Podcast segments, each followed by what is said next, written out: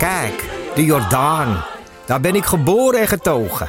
De nieuwe Nederlandse musical Onze Jordaan van Diederik Ebbingen is dit najaar in de theaters te zien. Koop nu uw kaarten op onzejordaan.nl.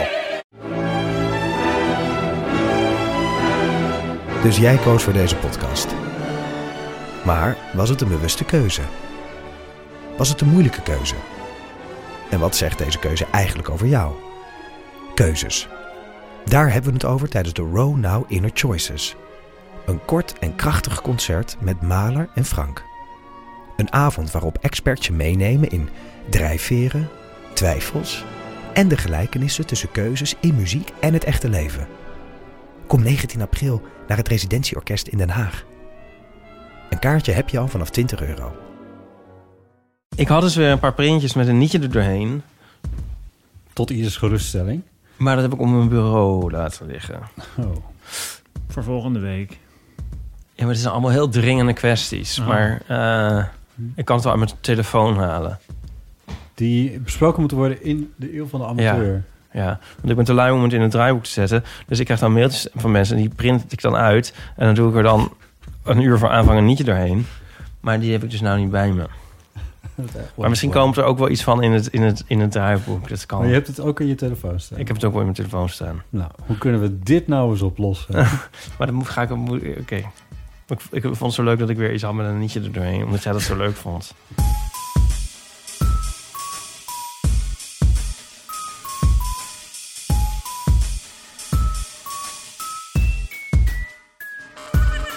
Welkom bij de eeuw van amateur, aflevering 138.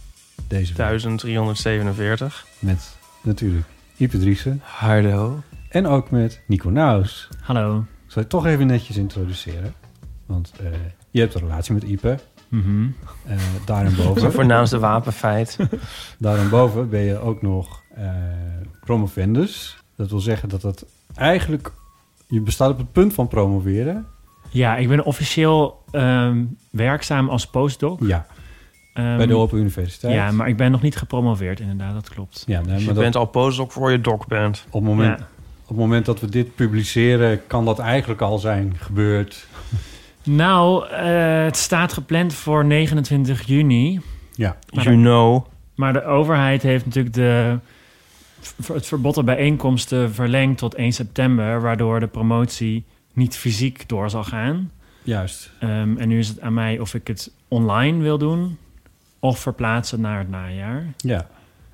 Ehm, dus het is nog even de vraag. ja, dat heb je nog niet besloten. eh, nee, ja, ik neig er wel naar om het online te doen. Omdat ik gewoon door wil met mijn leven, ja, eigenlijk. Ondanks corona. ja. Ik Nou- vind dat hij het moet, moet, moet verzetten. Het is natuurlijk wel heel tof om een bijeenkomstje te hebben.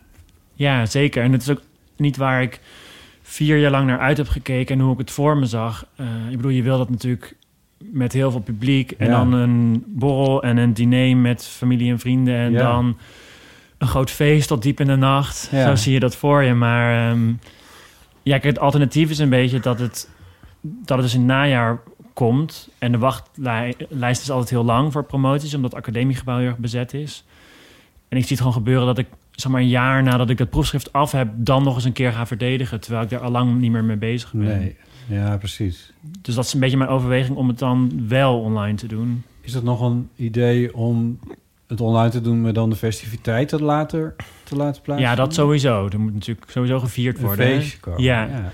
En met online zijn er misschien ook wel dingen te verzinnen. Dus ehm, ehm, misschien kan ik in Amsterdam een, een mooie zaal vinden die nu toch niet gebruikt wordt. Waar ik het dan in mijn eentje voor een soort ambiance alsnog eh, kan verdedigen voor een, Ja. voor een camera. Zoiets. Die kerk aan een single. Nou, misschien, ja. ja. Is wel wat te verzinnen volgens mij. ja. Oh. Ja. Hm.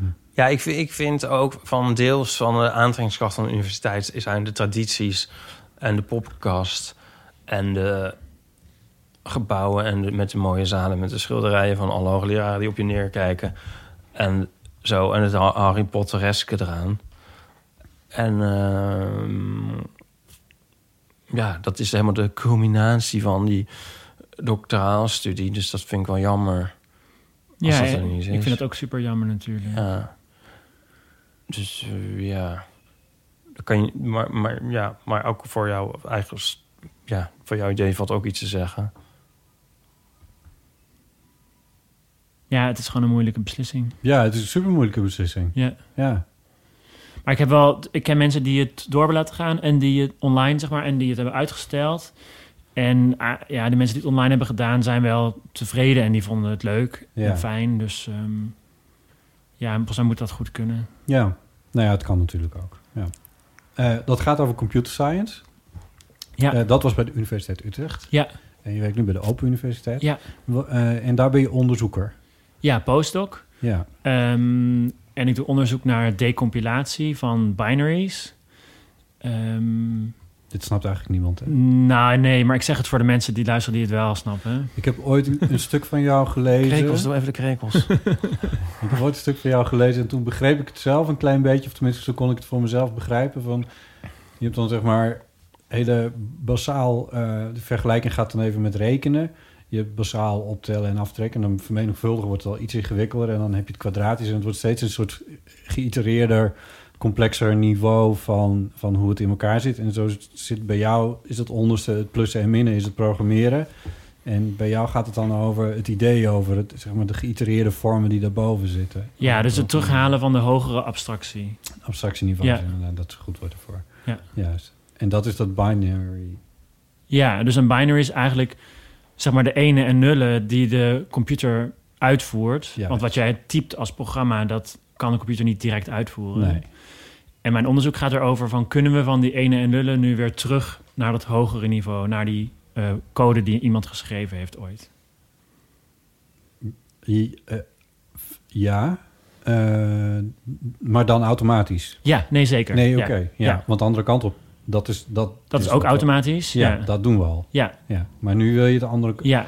Dan kom je wel dicht in de buurt van eh, artificiële intelligentie, toch? Nou, dat is wel een manier om het op te lossen, maar ik eh, pak het niet zo aan. Dus ik doe het heel erg ehm, eh, op de programma-analyse manier, een formele methode, waarbij je eigenlijk wiskunde en wiskundige technieken gebruikt om, om dat te doen. Ja. Dus het is juist heel erg beslisbaar en eh, dus niet zo kunstmatig. Er worden wel neurale netwerken en dat soort dingen gebruikt, Ja, maar dan zit je echt op patroonherkenning in binaries. ja. En, want Ipe, jij hebt kunstmatige intelligentie. Ik begrijp er helemaal niks van. Nee, maar groeit het ergens nog naar elkaar toe? Of raakt het elkaar nog? Of hebben jullie het daar wel eens over? Of, Je moet dat zinnetje zeggen. Wat dan? Ja, dat zinnetje van uit het boek. Oh god. ehm, eh, ik weet niet of ik dat weet. Nee, in mijn, in mijn boek zit een scène en dan zeg ik... Dan zit Nico ook zijn onderzoek uit te leggen. En dan zeg ik, zeg ik van, oh, ik begrijp er niks van. En dan zegt Nico, ja, Ipe doet alsof hij doet... alsof hij het niet begrijpt, maar eigenlijk begrijpt hij het echt niet. maar vind ik zelf dus een heel leuke grap. Alleen, alleen de, alle, de eindredactie st- streept de hele tijd een van de... Doen, doen Ja. alsof weg, omdat... Nee. Ja, ja. Maar dat goed. ging over mijn vorig onderzoek. Dat, Dat ging was, over ook, vorig dat was ook ingewikkelder. Dat was eigenlijk ingewikkelder. Eigenlijk Mm. begrijp ik dit wel gek genoeg. Ja, maar het gaat- het over best wel concrete dingen die je ook kan voorstellen. Dus Ja, dat decompileren was nog in het nieuws. Van, Ja. ehm, ik zullen het even aan de actualiteit koppelen. Want er was een corona-app in een of ander Scandinavisch land. Dat is toch allemaal een beetje hetzelfde eigenlijk, in die Scandinavische landen.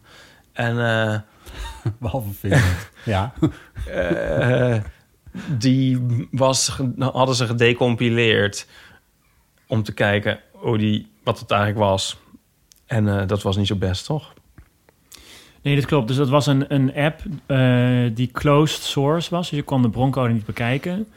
En dat doen ze bijvoorbeeld voor copyright of voor ehm, beveiligingsredenen. Dus dat Ja. je niet kan zien eh, hoe het Hoe precies je, hoe gemaakt je erin is. kan komen. Of omdat ze er geheime spyware in hebben gestopt. of- Zeker. Of, of proberen ermee een Zeker. Israëlische kerncentrale binnen te komen. Dus dat is ook het doel van decompilatie, om dan dat de weer... geheimen te ontfutselen. Ja, Of te bloot te leggen. ja, en het is leuk om te zien dat dat inmiddels zo ver is... dat dat op die app toegepast kon worden... en dat er fouten zijn gevonden. Ja. Dus wat er dan in feite gebeurt is... Je hebt de, de broncode is niet bekend, maar je laat die decompilatie... Die, wat die doet, is de broncode zelf genereren... op basis hoe de app reageert en wat die doet en alles? Nee, hoe, hoe, de, hoe de binary eruit ziet. Juist, Ja, ja. Dus dan Eh. weet je niet hoe de officiële code eruit ziet, maar je, die, die decompilatie, die Ja, laat die- wel zien van dit is waarschijnlijk wat het is. Ja, Juist. Ja, dus kijk, het is wel een onbeslisbaar probleem. Dus je kunt nooit de originele broncode terugkrijgen. Nee. Maar door te vertalen naar het hogere niveau kun je wel analyses erop doen. Je kunt met de hand inspecteren en zo kun je die fouten eruit halen. Ja. En ik vind ook dit, dit, dit is echt een supergoed voorbeeld waarom open source software gewoon the way to go is. Zeker bij dit soort grote, ehm, eh, hoe zeg je dat? Bij dit soort eh, grote crisissen Mhm. zijn er genoeg mensen die wel hun tijd willen besteden om mee te kijken naar de code en te helpen en fouten eruit te halen. Mhm. Dat is super mooi. Ben jij ook nog op een of andere manier betrokken geweest bij eh, die apps die in Nederland eh, Nee. geprobeerd zijn te maken? Nee, Helemaal niet. nee. Nee, het is niet- Belachelijk. Het is niet mijn, Bizar Nou ja, eigenlijk. Nee, weet ik niet. het is niet Ik mijn expertise, nee. Nee, nee, apps bouwen niet. Nee. Nee. Nee. dus ik ben wel heel wetenschappelijk bezig, Ja. eigenlijk. Dat wordt me ook wel eens verweten. Nou, och, ja, je bent toch academicus? Je bent in dienst bij Open Universiteit. Ja, ja, nee, zeker. Ja. Ehm, en ehm, volg je dat nieuws dan wel, wat daar... eh, Ja, zeker. Dus dat is wel... Kijk, er zijn wel meerdere interessante dingen over te zeggen, denk ik. Dus het feit dat we dat überhaupt willen, vind ik best wel tekenend. Dus je... je ja, je wil echt letterlijk iedereen voorzien van een tracker... en zo minutieus bijhouden wie waar is geweest... en wie het virus heeft opgelopen en wie niet.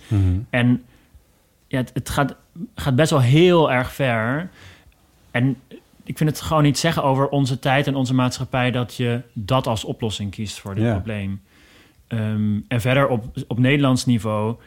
Ja, er zijn 750 voorstellen ingediend, wat bizar veel is. Er moest, in een week moest dat allemaal geëvalueerd worden. ja. Er was ook nog eh, twee dagen inspraak van burgers op die 750 plannen. Ja, dit is allemaal. ja, dit is echt totaal bizar. En uiteindelijk is geen van die voorstellen is gekozen. En nu gaat de overheid zelf een app ontwikkelen. Wat mij wel een beetje zorgen baat. Als je, ja. Als die net zo handig wordt als de DigiD-app en een Mijn Overheid-app. nou ja, of de software van de UWV en- die en al jarenlang eh, problemen. ja, ja. Oh, de overheid die software maakt. van de Ja. Belastingdienst. Hè? Oh ik bedoel, eh, Ja. We're doomed. Nou ja, doomed, maar het, het ziet er niet zo best uit, laten we het zo Nee. zeggen. en ik kan me wel voorstellen dat Apple en Google... dat die gewoon om de overheden heen het allemaal zelf gewoon regelen. En die zullen Daar dat heb ik niks meer van gehoord trouwens, want dat was ook een nieuwsbericht. Ja, die gaan gewoon door wel. En eh, ze hopen dan dat de landelijke apps hun API's gebruiken. Maar Heel In- kort, API. eh, een eh, interface protocol. Mhm. Dus de app kan dan met die oplossing van Apple of Google praten... Juist. om de juiste gegevens te achterhalen. Ja. Maar in Engeland hebben ze al gezegd dat ze dat niet gaan doen. Ehm, in Nederland gaat de overheid dus zelf die app ontwikkelen. Dus ik vraag me een beetje af. Kijk, ik kan me goed voorstellen dat ze gewoon om de overheden heen gaan... en zelf die app ontwikkelen. Ja. Zij zijn natuurlijk daar veel beter in, veel sneller. ja, maar ook heel Amerikaans. Ja, zeker. Dus het is ook wel een beetje van... ehm, dat, kijk, het is grappig dat zij veel sneller veel meer mensen kunnen bereiken dan, wel, bereiken dan welke overheid dan ook. Ja, Zij kunnen gewoon, wat is het, 95% van de wereldbevolking... kunnen zij gewoon met een software-update bereiken. ja.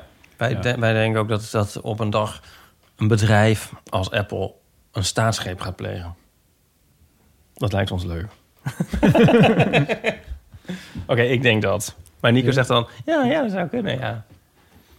De tijd van geen gekke generaals is voorbij. Ik moet heel eerlijk zeggen, ehm, Apple is op zichzelf volgens mij al bijna een land. Dat is, Ja. heeft een, een GPD, een, een eh, bruto binnenlands product, of zeg maar, de, de, de, de waarde van Apple is groter dan menig bruto binnenlands product van sommige landen. Mhm. De armere landen dan. Maar goed, Finland. kleinere. Finland.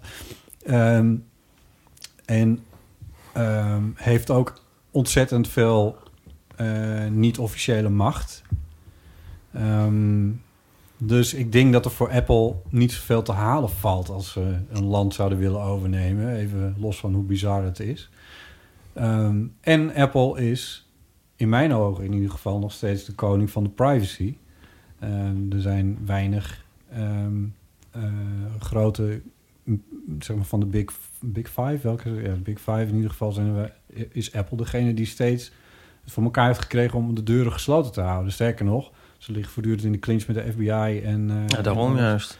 Nee, ja, Nee. ik denk dit niet echt. Maar ik vind het een leuk idee En voor een film. Of een- Google, Ja. een beetje hetzelfde verhaal. Die zijn ook Ja. takkenrijk natuurlijk. Ze zijn ook heel machtig. Nee, maar jij, jij zag gisteravond, zag jij geloof ik, het, het satelliettreintje van Elon Musk Ja. voorbij eh, drijven. Dan denk je toch ook van, wat is die, Starlink. is, what is he up to? Denk je dan toch? nou, wifi voor de hele wereld. Ja, nee, maar ik bedoel, die, na, een na een tijdje zijn die mensen dat toch ook zat? Dat die, die falende over, overheden. Nou ja, precies. Ja. Ja. Ja. Maar om even mijn gedachte af te maken. Google had het al... eh, ik, ik, ik- Google gedraagt zich zo netjes de afgelopen, afgelopen tijd. Ik vind ze niet heel erg goed in, eh, in privacy, maar ze hebben allemaal knopjes overal gebouwd. En als je het echt wil, dan kun je alles echt wel dichtzetten bij Google. Of het dan ook gebeurt, is natuurlijk weer wat anders. Maar ik vind dat ze zich zo netjes gedragen, zo volwassen. Het is Maar jij vergelijkt alles met de KVK, dus dan is het al snel valt de vergelijking gunstig uit. bedrijf. Ah, ja, goed. Er zijn zo Nee, ik ook. Ik weet het niet. Ik zit er ook allemaal niet mee. Maar ik bedoel, hoef ik dit verder niet te, mijn, mijn ja, eh, het idee te refuteren. Het is maar een soort... Het is een grappige gedachte, maar het, waar het natuurlijk over gaat is... van als eh, overheden het niet doen, dan doen dit soort bedrijven het. En de- ik denk dat Starlink daar een interessant voorbeeld van is. Eh, van, we doen wifi voor de hele wereld en Elon Musk bedenkt dat dan... en die heeft dus zo toegang tot zo ongelooflijk veel geld... Ja, dat hij dat ook gewoon voor elkaar krijgt. ja. Eh, Maar stel, ze zijn succesvol in het maken van een corona-app buiten de overheden om. Dat levert, dat levert ook weer iets op.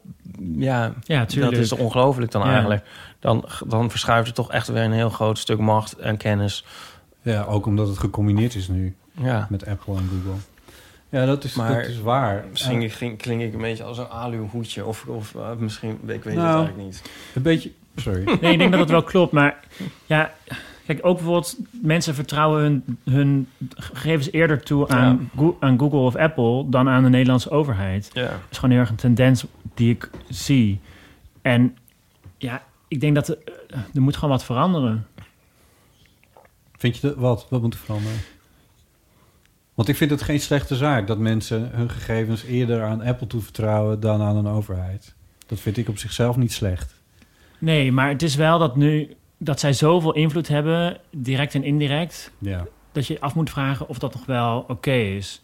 En- Bij een bedrijf kan ook iets veranderen natuurlijk. Je weet niet, je vertrouwt het nu toe, maar precies. zij ja. hebben dat voor eeuwig. Ja. Of ja, ik weet niet hoe ze ermee omgaan. Ja, maar, Maar- Je kan, je, ik kan morgen al mijn Apple-producten de deur uit doen, maar ik kan niet zomaar mijn eh, Nederlandse. Ik heb hier een huis, ik, ik heb al mijn vrienden. Ik kan niet zomaar Nederland. Ik kan, ik, nee, ik kan nu helemaal Nederland niet verlaten, maar ik kan ook niet zomaar mijn nationaliteit opgeven. Dat zijn, dat zijn dingen die zijn veel ingewikkelder dan eh, een Apple of een Google achter je laten. Je kan echt wel switchen van het ene naar het andere als een bedrijf echt gek gaat doen. Dus dat vind ik wel een verschil. Ja, dat weet ik, ik denk altijd van... eh, ja, is dat zo? Ja, maar ik bedoel, weten ze dan niet, al, weten ze niet eigenlijk al genoeg van jou... en jouw perverse ideeën en voorkeuren... om jou voor eeuwig bij de tang te hebben, in de tang te hebben? dat denk ik een beetje. ja?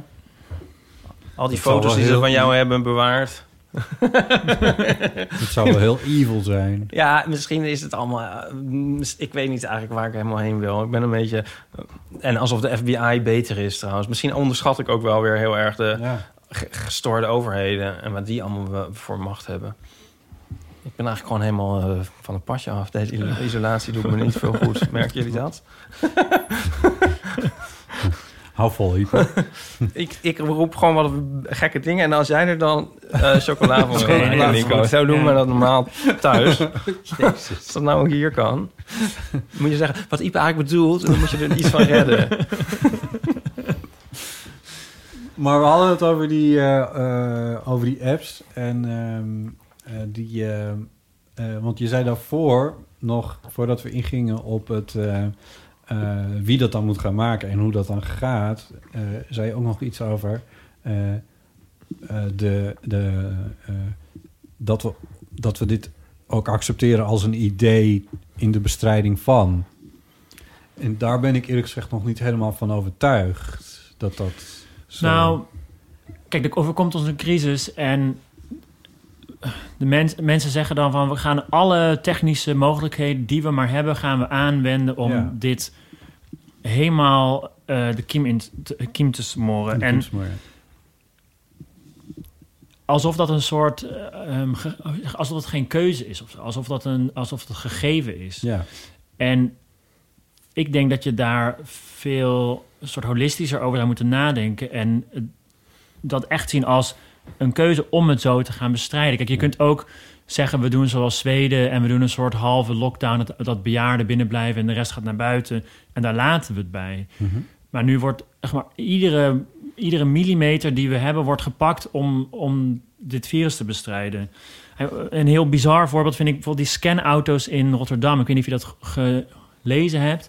Maar daar hebben ze dan van die scanauto's die ze ook in Amsterdam hebben voor de parkeren. En die worden Ja. nu ingezet om mensen op straat in de gaten te houden hoeveel afstand ze van elkaar houden. Want Dus- dat kunnen die dingen meten. Ja, dus als zij zien dat mensen dicht bij elkaar zijn, dan gaat er een melding naar de meldkamer en die sturen dan een BOA erheen om ze een boete te geven. Dit had ik gemist. Oh god. Ja, ik denk echt van why? Ja, Ja. Om, het is echt zo van we hebben het, dus we gaan het inzetten, want het zal wel iets bijdragen. Terwijl als je op een groter niveau kijkt, dan is dit absoluut niet waar ik denk dat we heen zouden moeten willen Nee. als samenleving, als Want- wereld. Jullie zitten nu ook op 20 centimeter van elkaar, want jullie wonen samen. Ja. Dus op straat zouden- lopen jullie ook naast elkaar. Ja, bij zo'n auto kan zien dat er tien mensen bij elkaar staan. Ik zeg maar wat. Ja, maar het is gewoon. Ja, maar daar, hoef je toch, daar heb je toch nee, geen ja, autootje voor ook niet. nodig? Maar Ik bedoel, we kunnen ook wel eh, drones. Ja, eh, nee, ja. We kunnen iedereen een, een, een- Die heb ik niet meer een- gehoord. Een Die waren er enkelband wel. omdoen. Ja, In de duinen wilden ze met drones gaan vliegen. Ik ja bij niet- Kinderdijk hebben ze hem nu met een drone gevlogen. Ja, Een tethered drone, zoals ze dat dan noemen. Ehm, tethered. tethered, Tethered, drone. ja. Dus dat is, normaal heb je een drone en die vliegt met een accu. Maar die kan je dan maar eh, een bepaalde tijd laten vliegen. Ja. En dit is een drone met een heel lange draad eraan. Zodat die Oh. oneindig in de lucht kan blijven. Oh, juist. En die hebben ze daar ingezet om te kijken of er geen toeristen kwamen. En dan konden ze er iemand heen sturen. Als je dit een jaar geleden had gezegd, had iedereen gezegd... had- hadden ze hem uit de lucht geschoten. Van die draad getrokken. dat is toch niet te geloven Ja, het eigenlijk? is de eerste keer dat de politie die inzet. Maar ehm, ja. Ja. Ik vond het in de duinen al heel heftig. ja. ik vind dus... Ik vind het... Ja, ik vind dat we deze kant gewoon niet op moeten. Nee, Ehm, maar ja... ik vind het ook een gek, eh, een gek vertrouwen in de technologie... Waar, die ik niet helemaal kan plaatsen, waar dat ineens vandaan komt. Ja. ja, het is wel heel erg onze tijd, toch? Ja, kijk, ik, ik vind dat je technologie moet zien als gereedschap. Weet je, als een hamer of een schroevendraaier of zo. En in plaats daarvan is het een soort entiteit geworden... en een soort leidend in hoe we onze samenleving vormgeven. En dat is, vind ik, zorgelijk. Ja. Ik had, eh, vandaag had ik iets geks, of ik dan niet, maar mijn zus. Eh, mijn zus die eh, op de boerderij zit. En de boerderij die... de, de daken van de boerderij die liggen helemaal vol met, met zonnepanelen. Het is een gigantische hoeveelheid zonnepanelen. En de stroom viel bij hun uit. Eh, gewoon het net. Ja, En toen zei, het, en ze zei, ja, de stroom is eruit gevallen. Dat is heel vervelend, want ze werken met melkrobots. Nou ja, laten we daar niet in gaan, maar in ieder geval. En die, eh, maar dan staat, alles staat dan eh, ook gewoon uit. En ik zeg, maar hoe kan het dan? Want jullie hebben zonnepanelen, dan heb je toch gewoon stroom. En ze zei, nee, die staan dan ook uit. ja. En toen was ik even, oh, oh, oh, oké, ja. Het is ook wel weer gek. Ja, nee, zeker. Maar ik denk ook dat mensen het nu heel erg voelen met... Kijk, iedereen zit eindeloos te zoomen en te skypen en te facetimen en weet ik veel wat. Maar uiteindelijk... Tenminste, de mensen die ik ken hebben gewoon zo heel erg zoiets van... Ja, dit is gewoon geen substituut. Dit Nee. is gewoon... Dit, dit geeft je niet die verbinding die je soort denkt dat het brengt. Ja. Ehm, dus ik denk dat mensen ook wel achterkomen dat technologie niet de oplossing is, maar gewoon een gereedschap. Het is eh, interessant dat je daar nou, want dat is, het, wordt, ik heb dat al een paar keer ergens gelezen, zo van, oh, eh, we hebben nu geen files, eh, dus hopelijk gaat straks iedereen de hele tijd zoomen met alle vergaderingen die hij heeft. Ik zag dat ook niet zo gebeuren, eerlijk gezegd. Ik denk dat je daar nog wel, het is nu even grappig, spannend en zo, maar dat, dat Ja. gaat op een gegeven moment af en dan wil je toch gewoon weer bij elkaar zitten. Ja, nee, zeker. Ik denk dat het wel zal blijven voor sommige gevallen. Dus, dus die promoties las ik toevallig een stuk van de rector over dat hij dit wil laten blijven. Dus, dus voor promovendi die eh, uit het buitenland komen, die Ja. terug zijn, die kunnen dan op afstand promoveren. Dus ik denk dat het wel meer gaat Ja. zijn dan voorheen. Maar Dat dat, is heel scheelt ook echt vlieg Precies. vluchten. Ja, maar uiteindelijk echt met je collega's overleggen, weet je wel, face-to-face, even op een whiteboard iets kunnen tekenen. Ja, Ja, dat kan je gewoon niet vervangen. nee. Hoe goed de technologie ook wordt. Denk ik hoor. Ja. nou, ik vind het wel interessant. Ja, ik, die app, ik, ik nog het laatste daarover. Wat mij daar dan ook... Dus zeg maar het beslistraject vond ik inderdaad interessant en opvallend. Ja. Eh, maar eh, daarna het hele sneuvelen was heel interessant. Maar ik dacht ook van, ja, maar er zit ook nog iets voor. Namelijk, eh, dat is hetzelfde als bij wetenschap. Je, je weet volgens mij helemaal niet wat je meet... eh, als je zo'n ding Ja, eh, zeker. gaat gebruiken. Ja, Ehm daar gaat volgens mij ook iets, wordt iets, iets voor waar aangenomen, wat ik helemaal niet. Hè, dat mensen de, op dit moment, dat is wel een paar keer gezegd ook, van je moet dan ook mensen testen of ze corona hebben of niet, anders slaat het überhaupt nergens op. ja, nou, dat kan nu helemaal niet. Er zijn mensen in de Klopt. zorg die al nauwelijks eh, getest kunnen worden, dus dat is al een enorm probleem. ja. Eh, ze willen nu de onderwijzers, de onderwijzers ook gaan testen. Maar iedereen denkt van ja, maar, maar hoe dan? Want die testen zijn er helemaal niet. ja. Eh, dus, dus dat gaat al mis. En dan is er nog van ja, het moet met Bluetooth. Maar ehm, ik heb op mijn... Ik woon hier naast een hotel. Ik heb hier altijd... Als ik op Bluetooth scan, heb ik altijd al die hotelgasten... Al hun devices heb ik op mijn device. Dus dat wordt ook een puinhoop. Ja, nee, absoluut. Ja. ja, dus die technische haalbaarheid, die is nooit getoetst volgens mij. Nee, dat is, eh, maar dat vind ik dan zo gek. Het is toch een Ja, minister die dat dan Ja. op een gegeven moment poneert. En, Ja. en dan, daar zit, dan moeten toch mensen zitten. Maar dit is, dit is, is ook niet een Nederlands idee, toch? nee, dat klopt. Dus, dus voor dat eerste probleem, voor die testen, daar hebben Google en Apple hebben daar oplossingen voor. Ehm, met dat je dus getest wordt en dan krijg je een bepaalde code die je moet invoeren in de app met het resultaat. Ehm, zodat je echt ges- gecertificeerd getest bent. En Ja. dan wordt dat op die manier eh, afgehandeld. En de mensen die, moeten die getest moeten worden, die moeten dan ook weer naar de, het ziekenhuis voor en een bepaalde code invoeren. Dus dat stuk is over nagedacht, door Apple in ieder geval. ja, Maar dan moet je nog wel hebben dat de lokale overheden daar mee willen werken. ja. Ehm, en, En, die niet, Bluetooth. Niet gaan lopen rotzooien. Precies. En die, Engeland wil dat niet. Die, die ehm, vindt dat Apple te streng in de privacy zit. Ehm, dus die willen meer gegevens kunnen bijhouden. En dat Bluetooth-verhaal, ja, eh, geen idee. Hm. Ja, nee. Oh, ik, ik bedoel, is, ik weet niet waar het idee is ontstaan, maar is, is het ook niet zo dat Nederland denkt van, nou ja, eh, als de Amerikanen het doen, dan zal het wel goed zijn. bij wijze Ja, van volgens mij doen alle landen het nu. Ja, Ja. maar wie is daar leidend in dan? Ja, Het is niemand. volgens mij niet zo dat, dat minister De Jonge met zijn gekke bakkenbaarden denkt dat dit een soort proefballonnetje is van hem. De bakkenbaarden zijn niet het gekste Kijk, aan kijkt, iedereen gewoon elkaar maar een beetje aan. Nou ja, ik weet het niet zo goed. Ik denk dat... Ik heb gewoon heel erg Er wordt wel naar Duitsland gekeken, volgens mij. Doen die het ook? Ja, maar ik heb, Hmm. ik heb dat niet paraat hoe ver ze Ja. De firma Kroeps is momenteel in Duitsland eh, deze app aan het ontwikkelen. En mijn gevoel hierbij is ook gewoon heel erg van... Het kan, dus doen we het. Nou, ik, weet- ik denk Ja. dat mensen ook wel een soort... Mm, is dat nou zo? Je gaat naar een op. Het is toch ook wel logisch dat je het in die hoek gaat zoeken en dat je iets gaat proberen. Eh, in, Ja, in maar- tijds, nee, ja, eh, en in tijden van crisis worden er toch ook dingen bedacht, zeg maar. En kom je ik- ook verder met technologische ontwikkelingen. Dus ik, ik vind dat niet zo vreemd. Ik snap wel dat ze niet gaan kijken hoe je het met, met, met klei en takken kan oplossen. Nee, maar goed, er zit nog iets tussen. Kijk, kleine takken en... Nee, En maar ik zeg een- alleen een maar, ik zeg niet dat het per se een goed idee is en uh, de uitvoering, et cetera. Maar ik vind het niet raar dat wereldwijd gekeken wordt of dit een manier is om het te beteugelen. Het is En het is ook voor de lange termijn is het misschien wel handig voor de volgende pandemie. Kijk, in de, Oh, in de tijden van. Nee, ja, maar nee, ik, ik vind het gewoon niet raar dat het onderzocht wordt. In de tijd van de Spaanse griep, toen kon je dit niet doen. Ja, en nu heb, is hier, ligt hier mogelijkheid. Ja. Ik zeg niet dat de hele wereld zich alleen maar hierop moet storten. Maar allicht dat sommige mensen Ja, maar het, hier, hier, naar kijken. Ja, ik snap dat wel. het lijkt er toch gewoon op dat... Dat de stagiair van minister De Jong heeft gezegd van... nee, maar dat zeg ik dus van net van Hugo, niet. Dat, weet je, geloof ik. Ik heb een app en als ik binnen een, een kilometer van mijn huis ben, ben, dan gaat mijn cv aan. Dat is toch gaaf? Kunnen we zoiets niet hebben? Ja. Weet je in die categorie zit ik Ja, een maar dat denk ik dus niet omdat het dus internationaal is.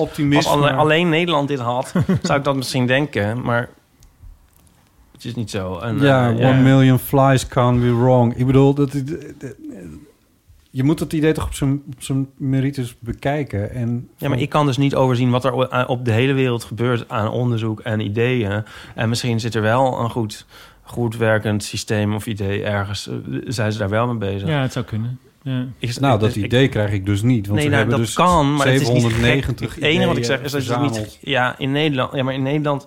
Maar ik, het enige wat ik zeg is... Ik vind het niet gek dat je, het, dat je dit nu onderzoekt en inzet. Dat vind ik echt niet zo vreemd. Nou ja. Ja. ja. En ik, ik vind ook van... eh, Er wordt heel... Ja, nou ja, dat zijn jullie zeggen dat misschien ook niet. Ja, mensen zwabberen altijd een beetje tussen optimisme en, en, en, en scepticisme over de wetenschap. Skepsis. over sceptisch. Heel veel mensen zeggen ook zo van het klimaatprobleem. Nou ja, tegen die tijd dan eh, vindt de wetenschap wel iets uit. Dan zuigen ze het allemaal wel weer uit de lucht of zo. Weet je wel? Mhm. En nu is dan ook een beetje zo het moment dat je dan ook kan kijken naar de wetenschap en de technologie. Van oké, los het even op. Ik bedoel, we worden natuurlijk aan een vaccin achter het scherm. Wordt er natuurlijk heel erg naar gezocht naar een vaccin. Maar ik bedoel, dit. ehm,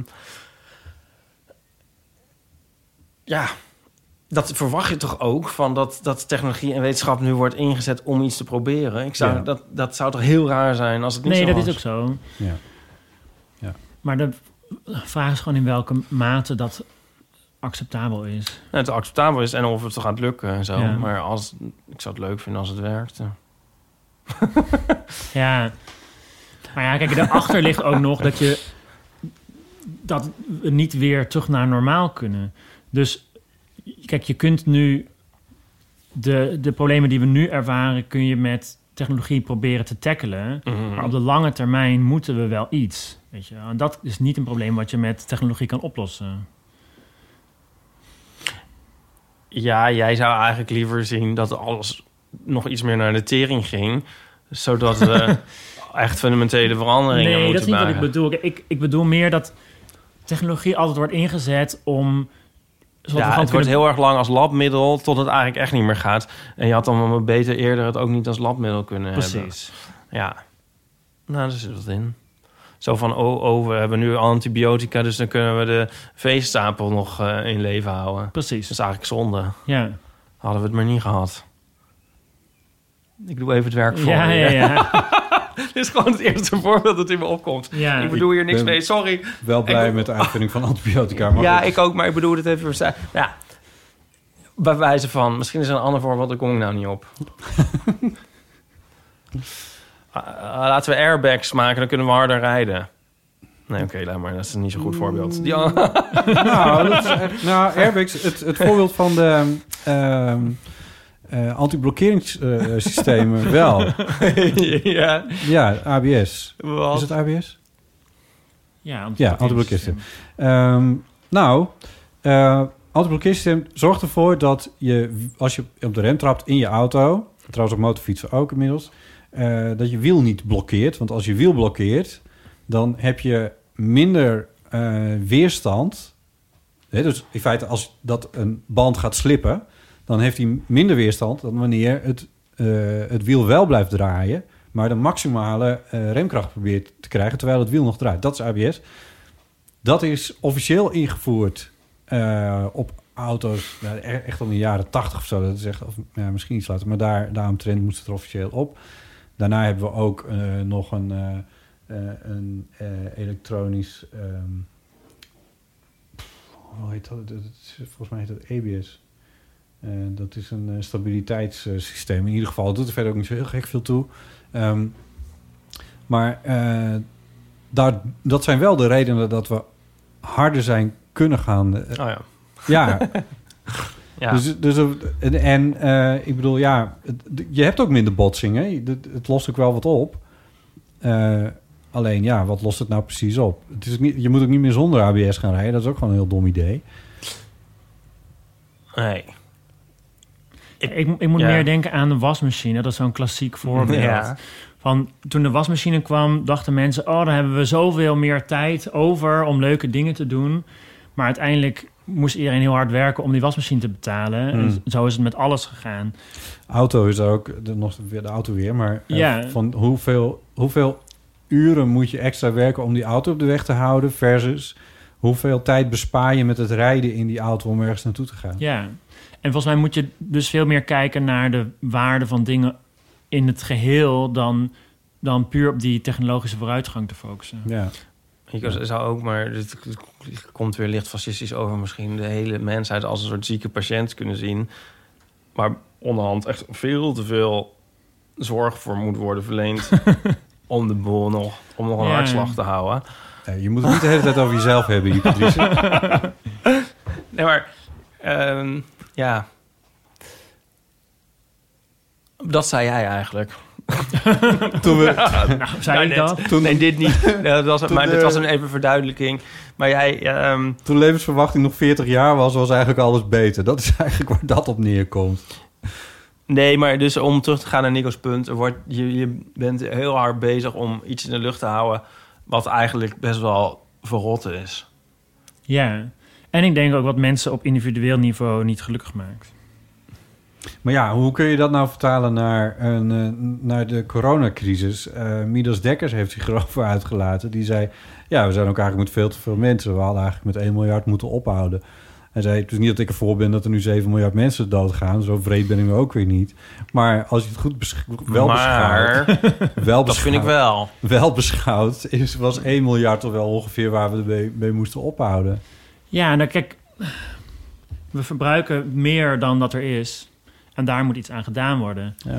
En dat kun je oplossen door minder kinderen te krijgen, maar ook door minder, minder of anders te consumeren.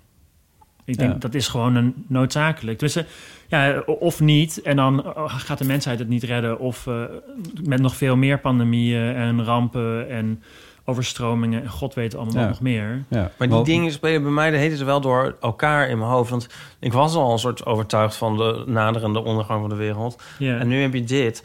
En het, ergens kon je tot nu toe altijd nog denken van... nou ja, dat- Kennelijk, kennelijk loopt het nog los. nee, maar dan komt het misschien dan toch wel goed. Of ze verzinnen ze nog iets of het buigt ergens nog om. En nu la- laat deze dit heel erg zien... dat in het geval van echte calamiteit... de mensheid ook helemaal geen antwoord heeft eigenlijk. Mm. Dus dat deprimeert mij een beetje. Ja. Als we hier uitkomen, ja, wat is er dan over... Wat Ja, is het volgende en wanneer? Nou, dus het volgende is dan volgens mij gewoon de klimaatcrisis. En wanneer dient hij zich aan en hoe snel merken we dat? En, en dit, wat er nu gebeurt, sterkt mij in de overtuiging... dat we daar dan totaal geen antwoord op zullen hebben. Ja. Nou, ik denk dat de verandering die nodig is Leuk, fijn dat jullie luisteren. Ik denk dat de verandering die nodig is om dit op te lossen, is zo enorm diepgaand. eh, Dat het, ja, ik weet, ik weet niet of de mensen daar klaar voor zijn. Ik weet dat mensen daar niet klaar voor zijn. Nee. En Bas Heijnen heeft, er, heeft daar een heel mooi stuk over geschreven. Want die, eh, twee weken geleden inmiddels alweer. Maar die, die zei eh, van ja, eh, je kan nu...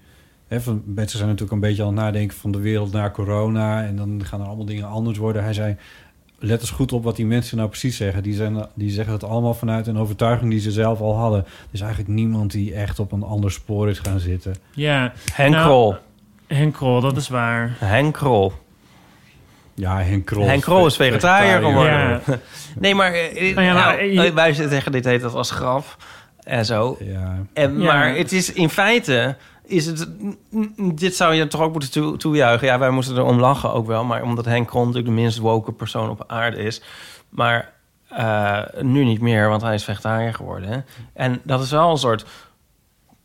Zal ik een gestalt switch noemen... die meer mensen zouden moeten maken. Ja, Ja, hij had het natuurlijk eh eh 40 jaar geleden moeten doen. Los daarvan. Nee, dat hadden we allemaal moeten doen. Maar ik bedoel, als heel veel mensen dat doen... Ik bedoel, dit is dus een tegenvoorbeeld van wat Bas Heijnen zegt. Ik ben wel- met Bas Heijnen eens dat de meeste mensen dat niet doen. Ja, N is één. Oké, volgende. Nee, ik zeg ook al, het, de meeste mensen doen, maar, maar het kan wel. En ik vind het grappig dat, zo bij, dat het eh, juist hij nou het voorbeeld is van iemand. Ja, toch? Dat had ik nou niet zien aankomen. Nee, Als er nee. nou iemand is die altijd gewoon in de, in de face of overwhelming evidence bij zijn Ja. debiele standpunt blijft, is hij het wel. Ja, ja. Dus dat is eh, heel Ja. grappig. Ik, ik, de cynische ik die zegt dan toch van laten we het over een half uur nog even een keertje bij hem checken of hij het heeft volgehouden. Maar nee, fair enough. Oké. Ja. Ja, maar al die andere dingen van minder verkeer op de weg en straks gaan mensen meer thuiswerken en bla bla bla. Als je naar de cijfers in China nu kijkt, dan zijn ze alweer hersteld van de dip van de coronacrisis. Dus ik denk inderdaad dat je daar gelijk in hebt. Ja. Maar ik hoor het ook niemand zeggen. Ik denk dat het ook zou helpen. Al die, die paar mensen die het wel doen... eh la, laten je het vooral zeggen en, en het verkondigen of zo. Mhm. Toch?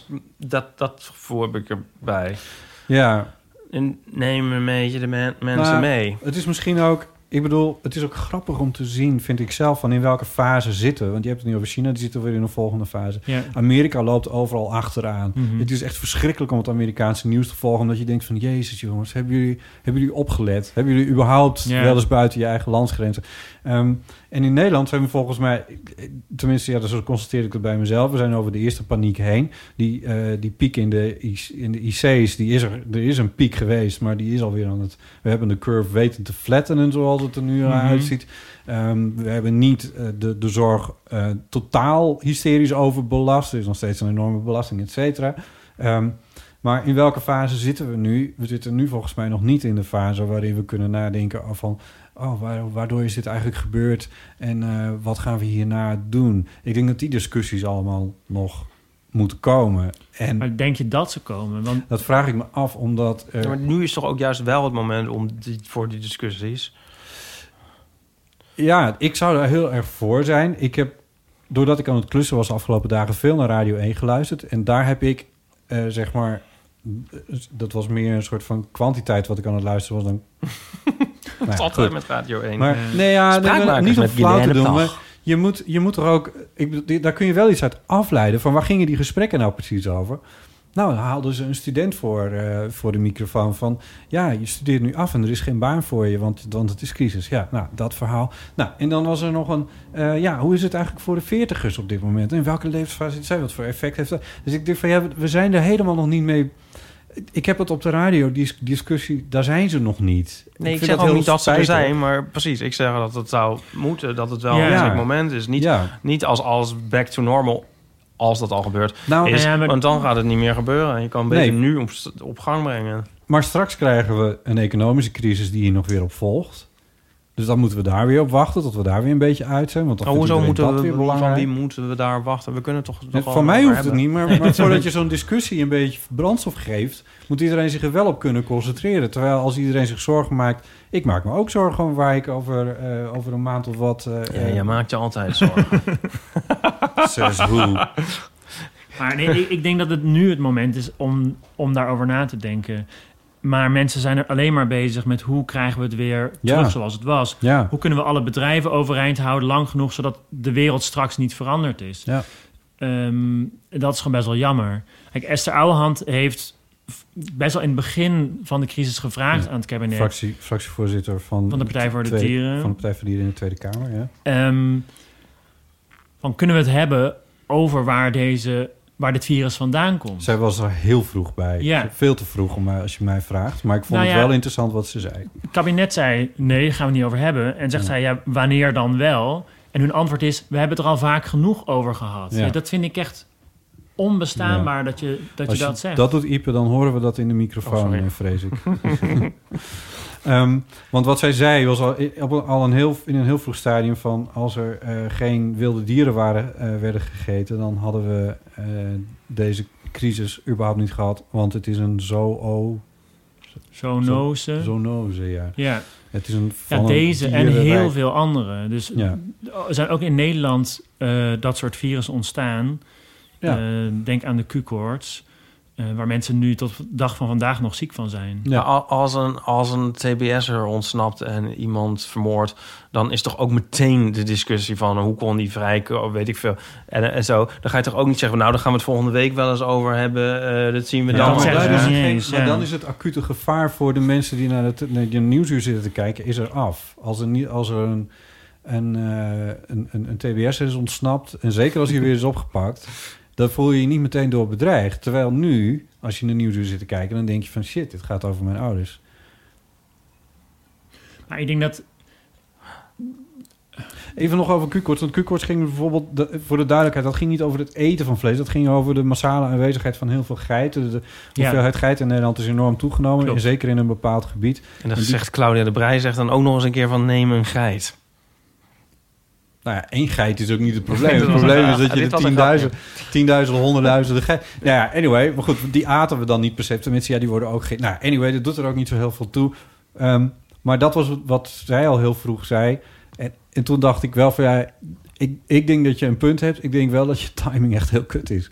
Want dit is niet wat mensen nu al willen horen. Nou, ik weet het niet. Kijk, Nou ja, zij begint er gewoon mee en, het, en het, ze wordt toch afgekapt. Maar ik zou het toch wel heel raar vinden als niemand er iets van zei. En, en net zoals niet iedereen zich bezig moet houden met een corona-app, zeg maar. En niet iedereen, weet je wel, ja, iedereen doet zijn ding. En ehm, ik vind het wel goed dat er iemand is die alvast eens even de geesterheid maakt voor de discussie hierover. Ja, maar ik kreeg een beetje... een- ja, dat is een omgekeerde werkelijkheid of zo. Maar in ieder geval een soort Jort Kelder gevoel bij. Want Jort Kelder was er bijvoorbeeld al heel vroeg bij... die soort van Zweden-model wilde voorstellen... maar dan helemaal op zijn eigen toon gezet. Ja. Eh, wat er totaal niet goed viel. Iedereen viel over hem heen. Ehm, en ehm, eh, nu zit iedereen toch te kijken van... oh ja, maar misschien is het best wel een idee... om mensen die wat zwak... wat we eigenlijk altijd al doen... maar mensen die wat zwakkere gezondheid hebben... om die wat meer te beschermen. Ja. Eh, en dat de rest dan gewoon wel een beetje zijn gang kan gaan. Ehm, dat was wel beschouwd wat Jort Kelder bedoelde. Maar, dan, wel wat, maar dan is het toch een soort van, als je dat vindt, eigenlijk wel een soort moedig dat hij zich op die manier uitspreekt, toch? Nou, ja en nee, maar dit is mijn punt.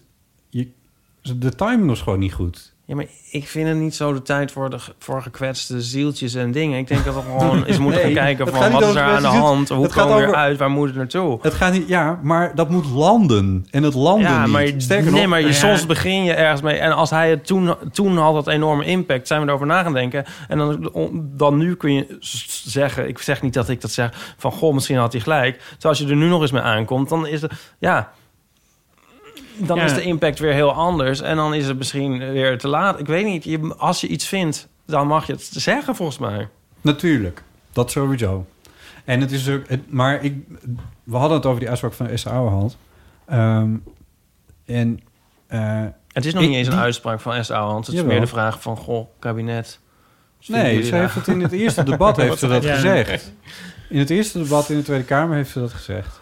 Ja, ook wel met de vraag, wat gaan we dan doen daaraan? Ja. Ehm, maar ik Wat ze zei trouwens was van het is ontstaan door het eten van vleermuizen. Dat voor zover we weten het ontstaan van het coronacrisis. Ja, of pangolins, dat is nog een beetje onduidelijk welke van de twee precies. Is het niet een goed idee om te stoppen Ja. met het eten, et cetera? Nou ja, Ja. op het woord zijn we tegen elke vorm van bio-industrie. Of hoe zeggen ze dat? Ja, dat klopt. Ja, kijk, ik weet nog goed dat ik me toen heel erg kwaad over maakte dat er gewoon niks over te horen was. Dus het- is toch heel normaal dat als er zo'n crisis uitbreekt, dat er dan op het nieuws verteld wordt waar die precies vandaan komt. En dat heeft echt weken geduurd. En zij was daar redelijk vroeg mee, inderdaad, om dat te doen. ik, ik kan het je nog precies vertellen. Want wij fietsten terug van onze eerste Ja. voorstelling die wij speelden. Toen vertelde jij mij dit. Eh, en toen had ik het nog niet eens van Esther Ouwehand gehoord. ja. Eh, dus dat was op 11 maart. Zo vroeg Oh, was dat jeetje, al. Ja. Ja. Ja, en ik heb het tegen meerdere mensen verteld en mensen geloofden het gewoon niet. Zeiden, nee, dit is een een onzinverhaal. En als je het gaat op... Ja, het is... Het is Nee, maar het is een zo. Ja. ja. Maar je moet ook denken aan die titel van die film van Al Gore, van An Inconvenient Truth. Ja. Dat is ook eigenlijk een soort timing. Zo van, ja, een L nu niet. Dat komt ons niet uit. Dat is geen handige... Ja. Dit is niet, dit, we zijn nu lekker bezig met de economische boom, weet ik veel. Dat is inconvenient. ja. Ja niks mee te maken, die timing. Dat denk ik. Oh, sorry. ik- Ja, ja, nee, ik ben het mee eens. Maar ik denk ook niet... Dat, dus, je zegt nu economie. Ik denk ook niet dat dat... Mensen zien het altijd als een soort tegenstelling. Hè? Zo van... eh, we kunnen of de economie kunnen we redden of, we- Ja. of het klimaat. En volgens mij Of hoeft de dat, gezondheid. Of de gezondheid, of whatever. Maar volgens Ja. mij... Of de dieren. Maar het hoeft dus, volgens mij hoeft dat dus niet zo te zijn. Nee. En ik denk Nou ja, dat we in Nederland ook daar genoeg voorbeelden van hebben... waarbij dat niet zo is.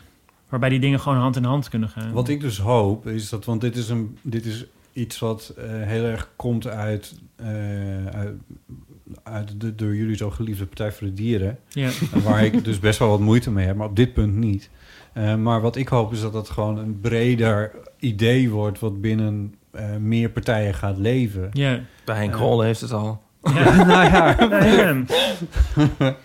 maar eh, nou ja, goed. Maar, dat, de- maar Bij Dion Graus leeft uh, het. Dion Graus, ja, Ja. dat is ook een, eh, een advocaat in dat opzicht. Advocate. Ehm, maar eh, dat zou natuurlijk wel heel mooi zijn. Ik denk dat je bijvoorbeeld dat je GroenLinks en PvdA... dat je die ook wel snel mee kan krijgen in, Ja. in zo'n soort... Ik bedoel, wat het idee nou verder ook zo precies zou moeten zijn. Maar het zou fijn zijn als het gewoon ook wat breder gedragen wordt. En dat is... Ik denk dat het wel belangrijk is om het daar op een gegeven moment over te hebben. Alleen het is er nu nog niet geland. Dat is Ja. Nou, en we hadden natuurlijk voor de crisis die, de discussie over de veehouderijen vanwege de stikstofcrisis. Ja, Ja, en dan zie je gewoon dat niks, er is niks mogelijk, er is niks bespreekbaar. nee. En dat, dat vind ik wel heel erg. Ja, Dat het zo met emotie overladen ja. taboe is. Ja, ja ik, daar heb ik me ook wel aan geërgerd. Ik, heb die, eh, ik vond die, dat eerste boerenprotest, dat vond ik eigenlijk wel, wel oké en wel stoer. Dat ik dacht van, nou ja, je mag best wat vragen stellen. Vind ik eigenlijk prima. Laat Ja. maar zien dat je er bent. Dat doen andere partijen ook. Maar daarna sloeg het al heel erg om in een enorme agressie. Eh, met, eh, met waar, waar taal er niet meer toe deed. Waar de, de vuist en de, en, en, en de trekkers Ja. het, het, het, het uitmaakten. Toen dacht ik, ja, nu kunnen we het er dus niet meer over hebben. Nee, terwijl ik me dus ook niet kan voorstellen dat, dat de veehouders, dat die zo blij zijn met de huidige situatie. Daar hoor je ook genoeg verhalen van dat zij eh, bijna niks verdienen, heel hard moeten werken en dat het heel een vreselijk Ja. bestaan is. Dus Ja. waarom kunnen we niet met z'n allen zoeken naar een oplossing die voor iedereen fijn is? Ja. Ja, Ja. mooi. Zullen we naar een volgend segment? Ja, Er is nog iets wat ik even moet doen. We gaan het, zeker, we gaan het vast nog wel eventjes over hebben. Maar Hadden we nog een trigger warning moeten doen vooraf? uh, we hebben het heet dat een soort niet zo erg over corona. Nu zijn we er heel erg Ja, eh, sorry, dit is mijn Nee, maar dit is wel leuk. het is allemaal nog steeds een inleiding. Het is allemaal nog steeds een We start nu, start nu de jingle. Ehm, eh, dank voor een donatie aan Helma van der Steen, Sandra Krijkamp, Jan Homan, Joyce Bilderbeek, Lee Huisman, Karin Heun, of ja, Heun, eh, Bram Di Koe, Annika Oh nee, ik denk het moet eruit. Ik maak een slechte naamgrap. Dit zijn mensen die ons geld geven, hè? Het moet er weer uit. En ik hoorde daardoor ook niet alle namen. Ik doe het gewoon nog een keer van Ja. de top. Helma van der Steen, Sandra Krijkamp, Jan Homan, Joyce Bilderbeek, Lee Huisman, Karin Heun, Bram Dikoe, Annika Terstegen, Piet Schreuders, Saskia van de Peppel en EMJ Jannink. En een hartelijke dank voor jullie bijdrage. Eh, dat is eh, zeer fijn. Al die mensen hebben ons geld gegeven. Ja, het, is, het is echt eh, het is hartverwarmend en dit, dit zijn fantastische Sinds de vorige keer. Dit was sinds de vorige keer, ja. Dat is ongelooflijk. ja, ja. Vind je dat niet Het is, ongelooflijk? ja. Dat is, eh, ik, ik vind dat heel uh, hartverwarmend. Ik vind het zo fijn. En vaak ook wel, wel als ze kans zien om er ergens een berichtje bij te stoppen... is het van we vinden het mooi en belangrijk dat jullie er zijn. Dus dat, eh, ja, ik weet niet. Dat vind ik heel mooi, heel fijn. Ehm, En van wie heb je dat leuke gehaakte beertje gekregen dat daar ligt? Dat gehaakte beertje is eh, van mijn moeder. Ach, Dat heeft mijn moeder zelf gemaakt. nou. Dus ze zei, het is een, eh, je kan het gebruiken als een boekenlegger. Ach, Oh, nee, nee. hou op. Het, het, heeft, het heeft een plat lijfje. Ik weet er zo'n leuke foto, weet ik nu. Hij pakt mijn Hitler-biografie erbij. Dit kan de foto van de aflevering worden. Dan moet je andersom nog even. Ach, maar wat superleuk. Ja, het is echt nou. heel leuk. Ja, het is lief. Ze heeft ook nog, ze heeft dit, eh, dit, dit ook nog gemaakt voor mij. Oh. Gehaakt blauw dingetje met Eh, nou, een soort onderzetter. Met Hug Me Later. Ja. En we hadden... Mijn broer was jarig eh, ehm, vorige week, afgelopen weekend. En toen eh, hadden we afgesproken ergens halverwege Friesland, Amsterdam. En mijn broer woont ook in Amsterdam. En eh, toen hebben we met z'n allen een soort bermtoerist uitgehangen ergens. Ehm, ieder rond zijn eigen drankjes drinkend op meer dan anderhalve meter afstand. En zo hebben we elkaar toch nog weer even gezien. Dat was wel echt heel fijn. Wat leuk. Hebben jullie je ouders nog gezien? Ja, toevallig afgelopen zondag. Ja, maar... Oh ja, moeten we niet net doen alsof we dat allemaal niet doen? Nou ja, mijn ouders die waren rond de kerst naar Portugal vertrokken met de camper. En ehm, op een gegeven moment, zaten- ja, die heb ik dus maanden niet gezien. En, Oh, die zijn eh, er echt maanden in Portugal Ja, ja, geweest? ja. En die zaten ook vast. Die konden niet meer weg. Dus alle campings gingen dicht. En toen Oh. moesten ze eruit. En allemaal moeilijke formulieren. En toestemming van de burgemeester. En stempels moesten ze dan Oh mijn god. van land tot land, van grens tot grens... door alle controles en ellende naar huis. Dan heb, je nog wel, dan heb je de grens met Spanje, de grens met Frankrijk, de grens met België en dan de grens met Nederland. Dat Ja. zijn er vier.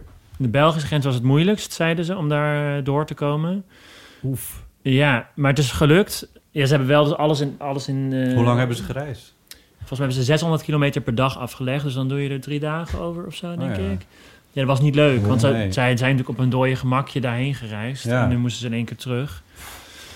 Ehm, dus ik Was- wilde die wel heel het erg graag... in Portugal? eh, In Spanje was het heel erg. nou, ze zaten op een soort camping ergens achter- achteraf. Dus er was eigenlijk geen probleem. Ze konden daar in principe... Ja. Ja, voor hun gezondheid zou het prima zijn om daar te blijven. ja. Waren niet dat alle toeristen het land uit moesten.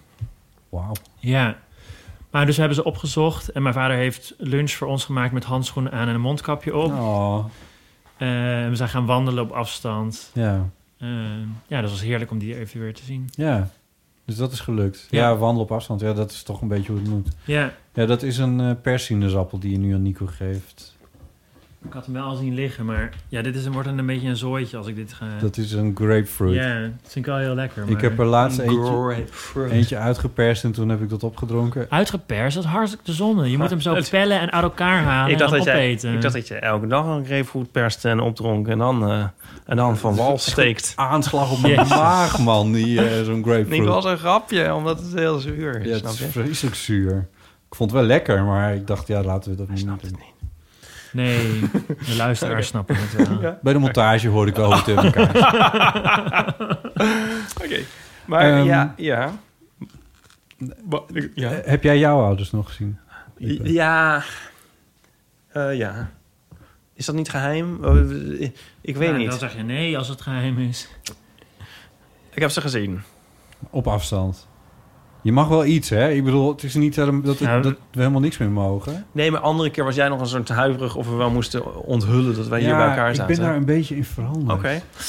Ja, nee, maar sorry. daarom. Ja, nee, dat, nou, dat is goed om te weten. Ehm, nee, dus ik wilde mijn ouders ook wel heel graag zien. Ehm, maar mijn ouders, die, die, die zijn wel heel erg eh, risicogroep. Vanwege een zeer broze gezondheid en een hoge leeftijd. Ja.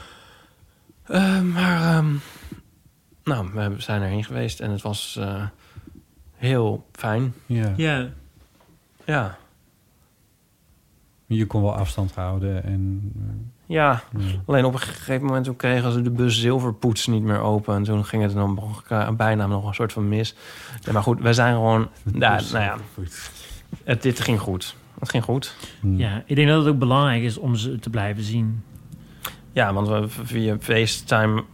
Ja, nee, dat is gewoon heel belangrijk. Zolang je zelf een beetje voorzichtig bent en zolang je zelf gezond bent. Uiteraard, en ja. Niet alle uit elkaar, en ook al is het vanwege hooikoorts dat je uit elkaar aan het niezen bent, dat is dan heel vervelend. Maar dat- zolang je dat allemaal een beetje onder controle hebt, Ja, dan ja. Maar we waren alle vier daar... mm, Ja, nee, klopt. Tenminste, ja, ik voelde me echt, eh, ik voelde me gewoon beter toen ik mijn ouders weer had gezien. Dat heb ik echt gewoon gemerkt. Van dit heeft me echt een, eh, een Ja. opkikkertje gegeven. Ja. Ehm, Ja, ja, deel van de amateur stelt zich niet aansprakelijk voor eventuele gezondheidsschade ten gevolge van bezoeken aan ouders. Ja, precies. Eh, even kijken hoor. Ehm, we zijn aanbeland bij... eh, Aanvullingen en correcties? Ja, denk ik wel. en Ik vergeet steeds waar zit. Oh, kijk, Hij zingt bijna nooit. Eh, ja, ik heb het gehoord. Ik het goed? Ja. Dit is heel goed. Nou, niet echt, maar wel heel lief. Hij klonk... De melodie klonk. Het is aanvullingen en correcties. Ik zal het nog een keertje. Ik zing tenminste niet met de banaan in mijn mond. Nou. Ik zal ook even iets harder zetten, dan kunnen we nog horen wat er gebeurt. Zo. Ja, dat is hem. Ehm, Je deed heel goed, liefje. Schatje. Niemand zingt zo mooi als jij. Nou, Nou, voor mij niet. speel je een instrument eigenlijk? nee. Nooit gedaan ook? Nou, ik heb twee jaar blokfluitles gehad, maar dat was geen succes. Oh. Ja. De hobo d'amour. Wat? Niks. Je had iets van een, je had aanvullingen en correcties. Had je. Waar komt dit dan vandaan? Hebben- Nee, niks. Oh, een correctie. Ja, aanvullingen en. Oké. Eh, Anouk heeft wat aan jou geschreven, Ipa. Oh ja, dat stond natuurlijk op die print die ik niet bij me heb. Nee, ja, precies. En is, eh, je kan het daar wel even vinden. Stond jij in de CC? Ik, eh, ja, Oh, over die droom. Ehm, door een overweldigend prikkeltekort heb ik een metadroom beleefd. Ik droomde namelijk over de fluoriserende sokken... waarover jij droomde. Waarover jij vertelde in de eeuw. Eh, ja. Jij kunt hier natuurlijk niks mee... maar misschien is het wel het begin van een nieuw droomgenre... en kunnen we dat duiden als meta-eeuwdroom. Nou, je kan niet van de vloer eten. Dat, eh er, Ja, ligt, er luisteraars, ligt genoeg. Mijn bananenview. Eh ja, bedankt Anouk. Ja, ik had haar al eh, in... eh, ik had haar al geantwoord. Ja, leuk. Ja, Leuk. Ja, Ga- gaat het veel erover mensen dat- over mogen dromen over de sokken waar ik over droom. Gaat het, heeft het te maken met dat iedereen door corona heel lijp aan het dromen is de hele tijd? Ja, Nico luistert niet meer. Ja, sorry. check, het, Ehm, check het maar even. het is moeilijk Nee. om dit niet persoonlijk te Nee, nemen. het ging over mijn sokken. Ik weet niet meer hoe we Oh, erop ja. kwamen. Die, de, Want dat de hoor ik dus van superveel mensen. Ja, dat dat is zij echt, Ja. dat iedereen heel rare dromen heeft. We hebben het hier wel over gehad. Oh, oké. Ja, maar daar ging dit niet over. Oh, oké. Maar we hebben ook een draadje over lucide dromen. Oh, oké. Is daar ook nog allemaal gezeur opgekomen? Oh ja. Maar dat moet, kunnen we uitzetten. Want ehm, weet je wie er ook namelijk ehm, daar iets over in de melk te brokkelen heeft? Eh, is niemand minder dan... Jonica Smeets. Ja. En die eh, gaat dat nog even inbellen. Oh, mooi. Ja, Dus dat is even een cliffhanger. Ja, En eigenlijk ook voor mijzelf, want zij kondigde dat aan. Maar dat krijgen we dan nog te horen. Dus daar ben ik wel echt super benieuwd naar. we gaan iets regelen met Jannica. Dat komt Ja. helemaal goed. Maar nu zie ik ook een Olleke Bolleke staan. Ja, Dus ik pak even mijn telefoon erbij, want... ehm, dat lettertype vind je beter. dat zijn er natuurlijk honderden weer. Oh. Kregen we binnen van... Oh, dat, dat- oh, echt. Gaan we weer even onze nieuwe rubriek Olleke Bollekes. nee, nou... Want dat was wel heel geestig de vorige keer. Dat was dan van Manoy, of hebben we dit al gezegd? Je hebt gezien wat ik erbij heb gezet, hè? Ja. Eh, ik zat dus de vorige keer... van- zaten wij van een plaatsnaam... Is er dan niet een Olleke Bolleke plaatsnaam? Ja. Of hebben we dit al besproken? Nee, Oh, en toen zei Manoy op Twitter... Manoy Kamps, de dirigent, wereldberoemde kantoorgenoot. En dirigent... vriend, ja. Ehm Berko en Roderijs, Ja, waar jij vandaan hoe komt. konden we dat vergeten? Ja, en het is heel grappig om terug te luisteren. Ik heb dat stukje dan even teruggeluisterd. En dan zit ik zo van... hmm, hmm, hmm. Is er nou geen... Wat is dat nou een Nederlandse hmm, hmm. En zo. En ik denk echt van... Jesus, man. Um. mm, waarom, eh, eh, eh, Ja, nee, het vooral even monteren. Oh, Nico, het is echt niet te doen. De hele tijd is Haal je het- dat eruit? Smak, smak, smak. Haal je Dat- eruit? Ja. Waarom? Omdat het niet te doen je is. dit is er ook niet uithalen? Niet Nee, fijn om te horen. niet als je praat, dat gaat niet. Maar als je... Nou ja, anyway. Mensen die wennen maar ergens aan. Nee, Nee. het is heel vervelend. Ach, houd toch op. Nou, ehm, we hebben dus hier een paar... ehm, even een paar nou, ja, ehm, hier een leuk olleke bolleke van Dr. Anders B. Ipe de Jongeling. Drie turven hoog nog maar. Waar speelde deze zijn videogames? Hij groeide op in het onspatieerbare Berkel en Rodenrijs. Weinig uitheems. Ja, Je speelt nooit Wacht even. videogames. Er is Nee. dus nog iemand die dat bedacht had. nee, ik zei, ik zei tegen Dr. Anders B. Oh, schrijf er maar één over. over Oh, je bent hem nu echt opdrachten aan Ja. Nou, En eh, toen kwam hij zelf ook nog met Thomas Stearns Eliot, William van Baskerville, Plientje Cornelissen en zo nog meer.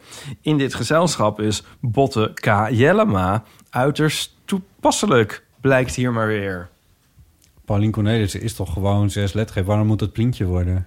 Omdat de, de klemtoon verschoven moet worden. Oh, pardon. Tot zover deze kostelijke Ja. bolletjes in onze nieuwe rubriek. Olke bolletjes. Olke bolleke. Die niemand zat is. Ehm, even kijken. Dan hebben we ook nog een aanvulling en correctie van Frederike. Ik heb net de laatste eeuw geluisterd... en er schoot me een Nederlandse olkebolke plaatsnaam te binnen.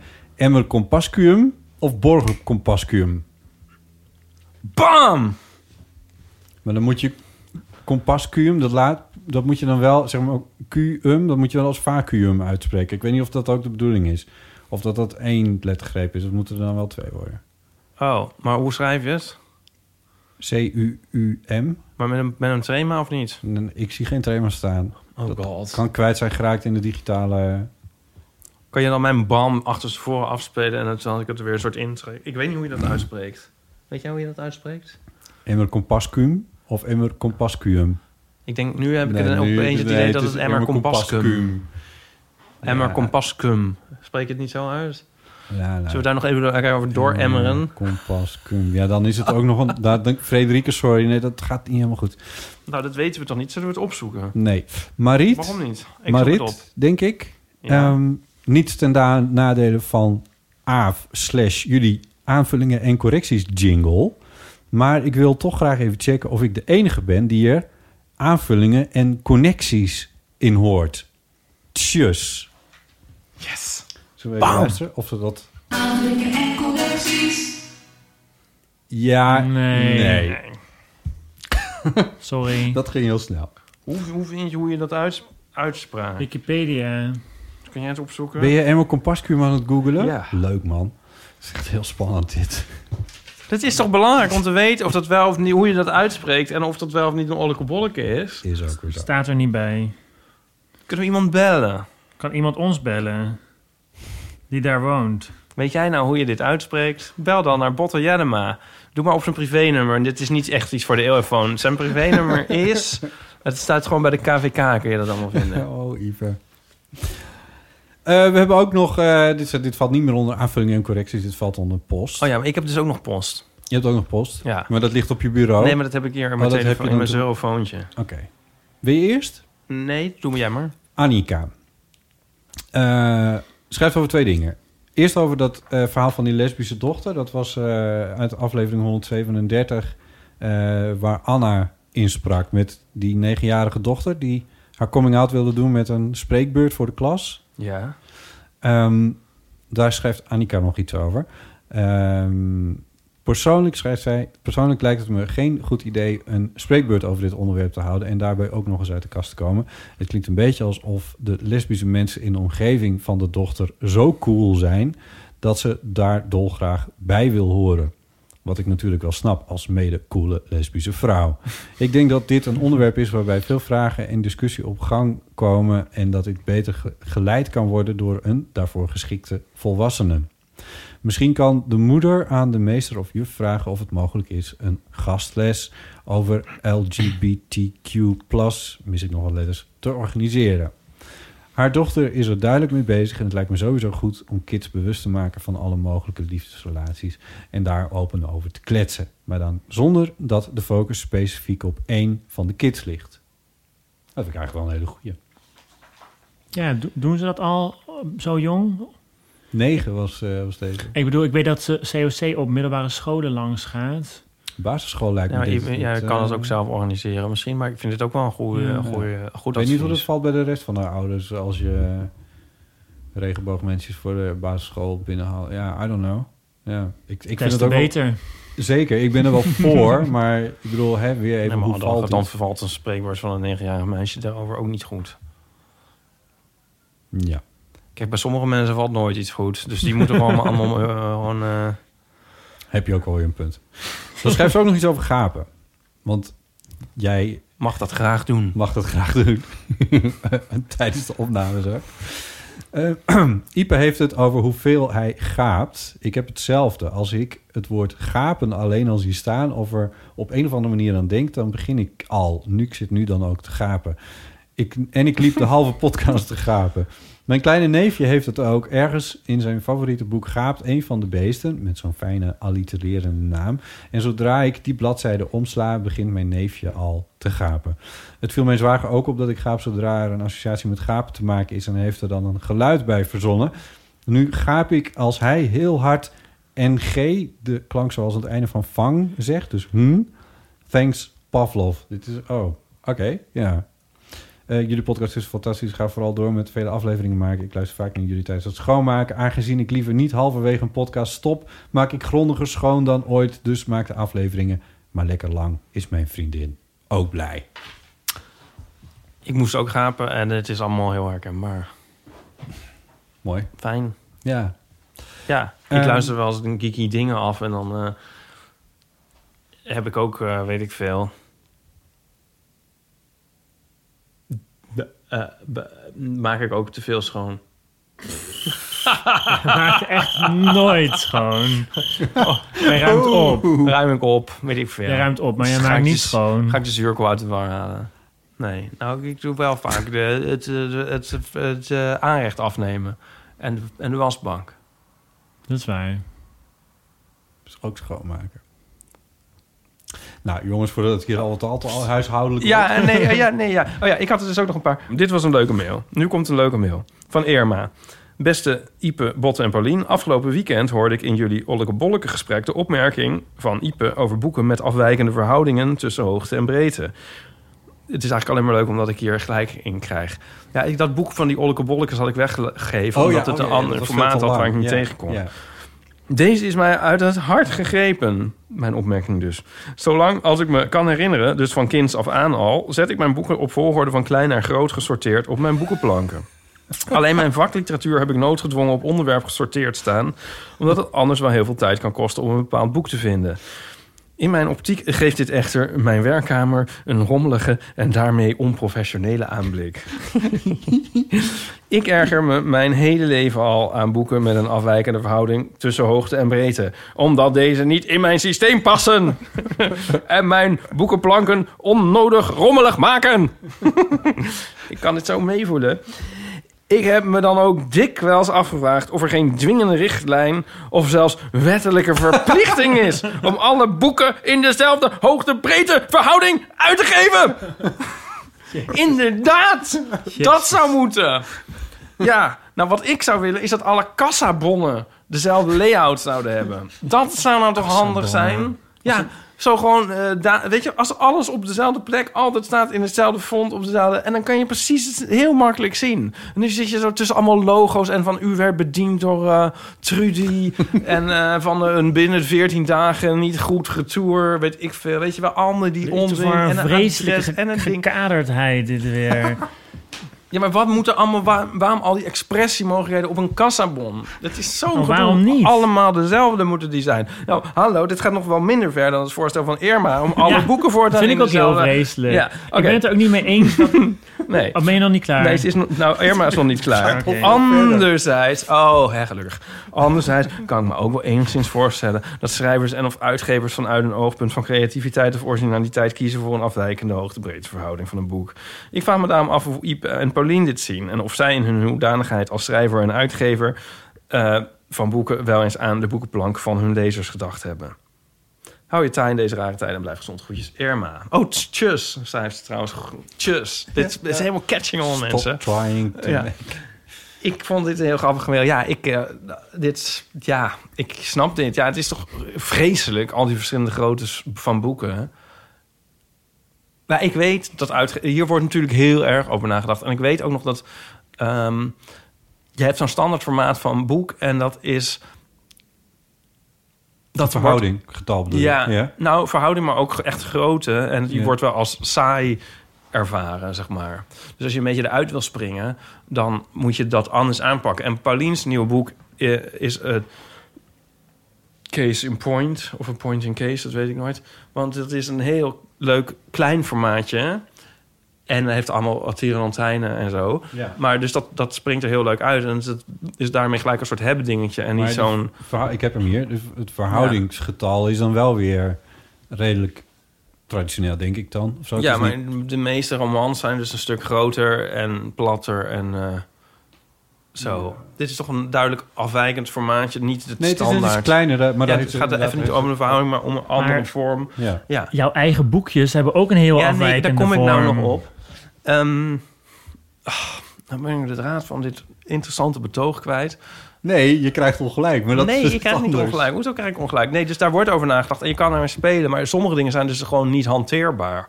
Kijk, eh, daar, ehm, dus, dus bijvoorbeeld het boek dat ik wel heb aangeprijsd... eh, iedereen op, is op Claudia. Dat stripboek, dat is heel groot. En dat, dat staat een soort in de weg, hoe mooi het ook is. En ehm, mijn eigen boekjes hebben een soort... Nou, ja, ik heb dus een reeks boekjes van mijn dagboekstrips. En ik had er drie op hetzelfde formaat. En toen ging ik over naar een andere uitgever.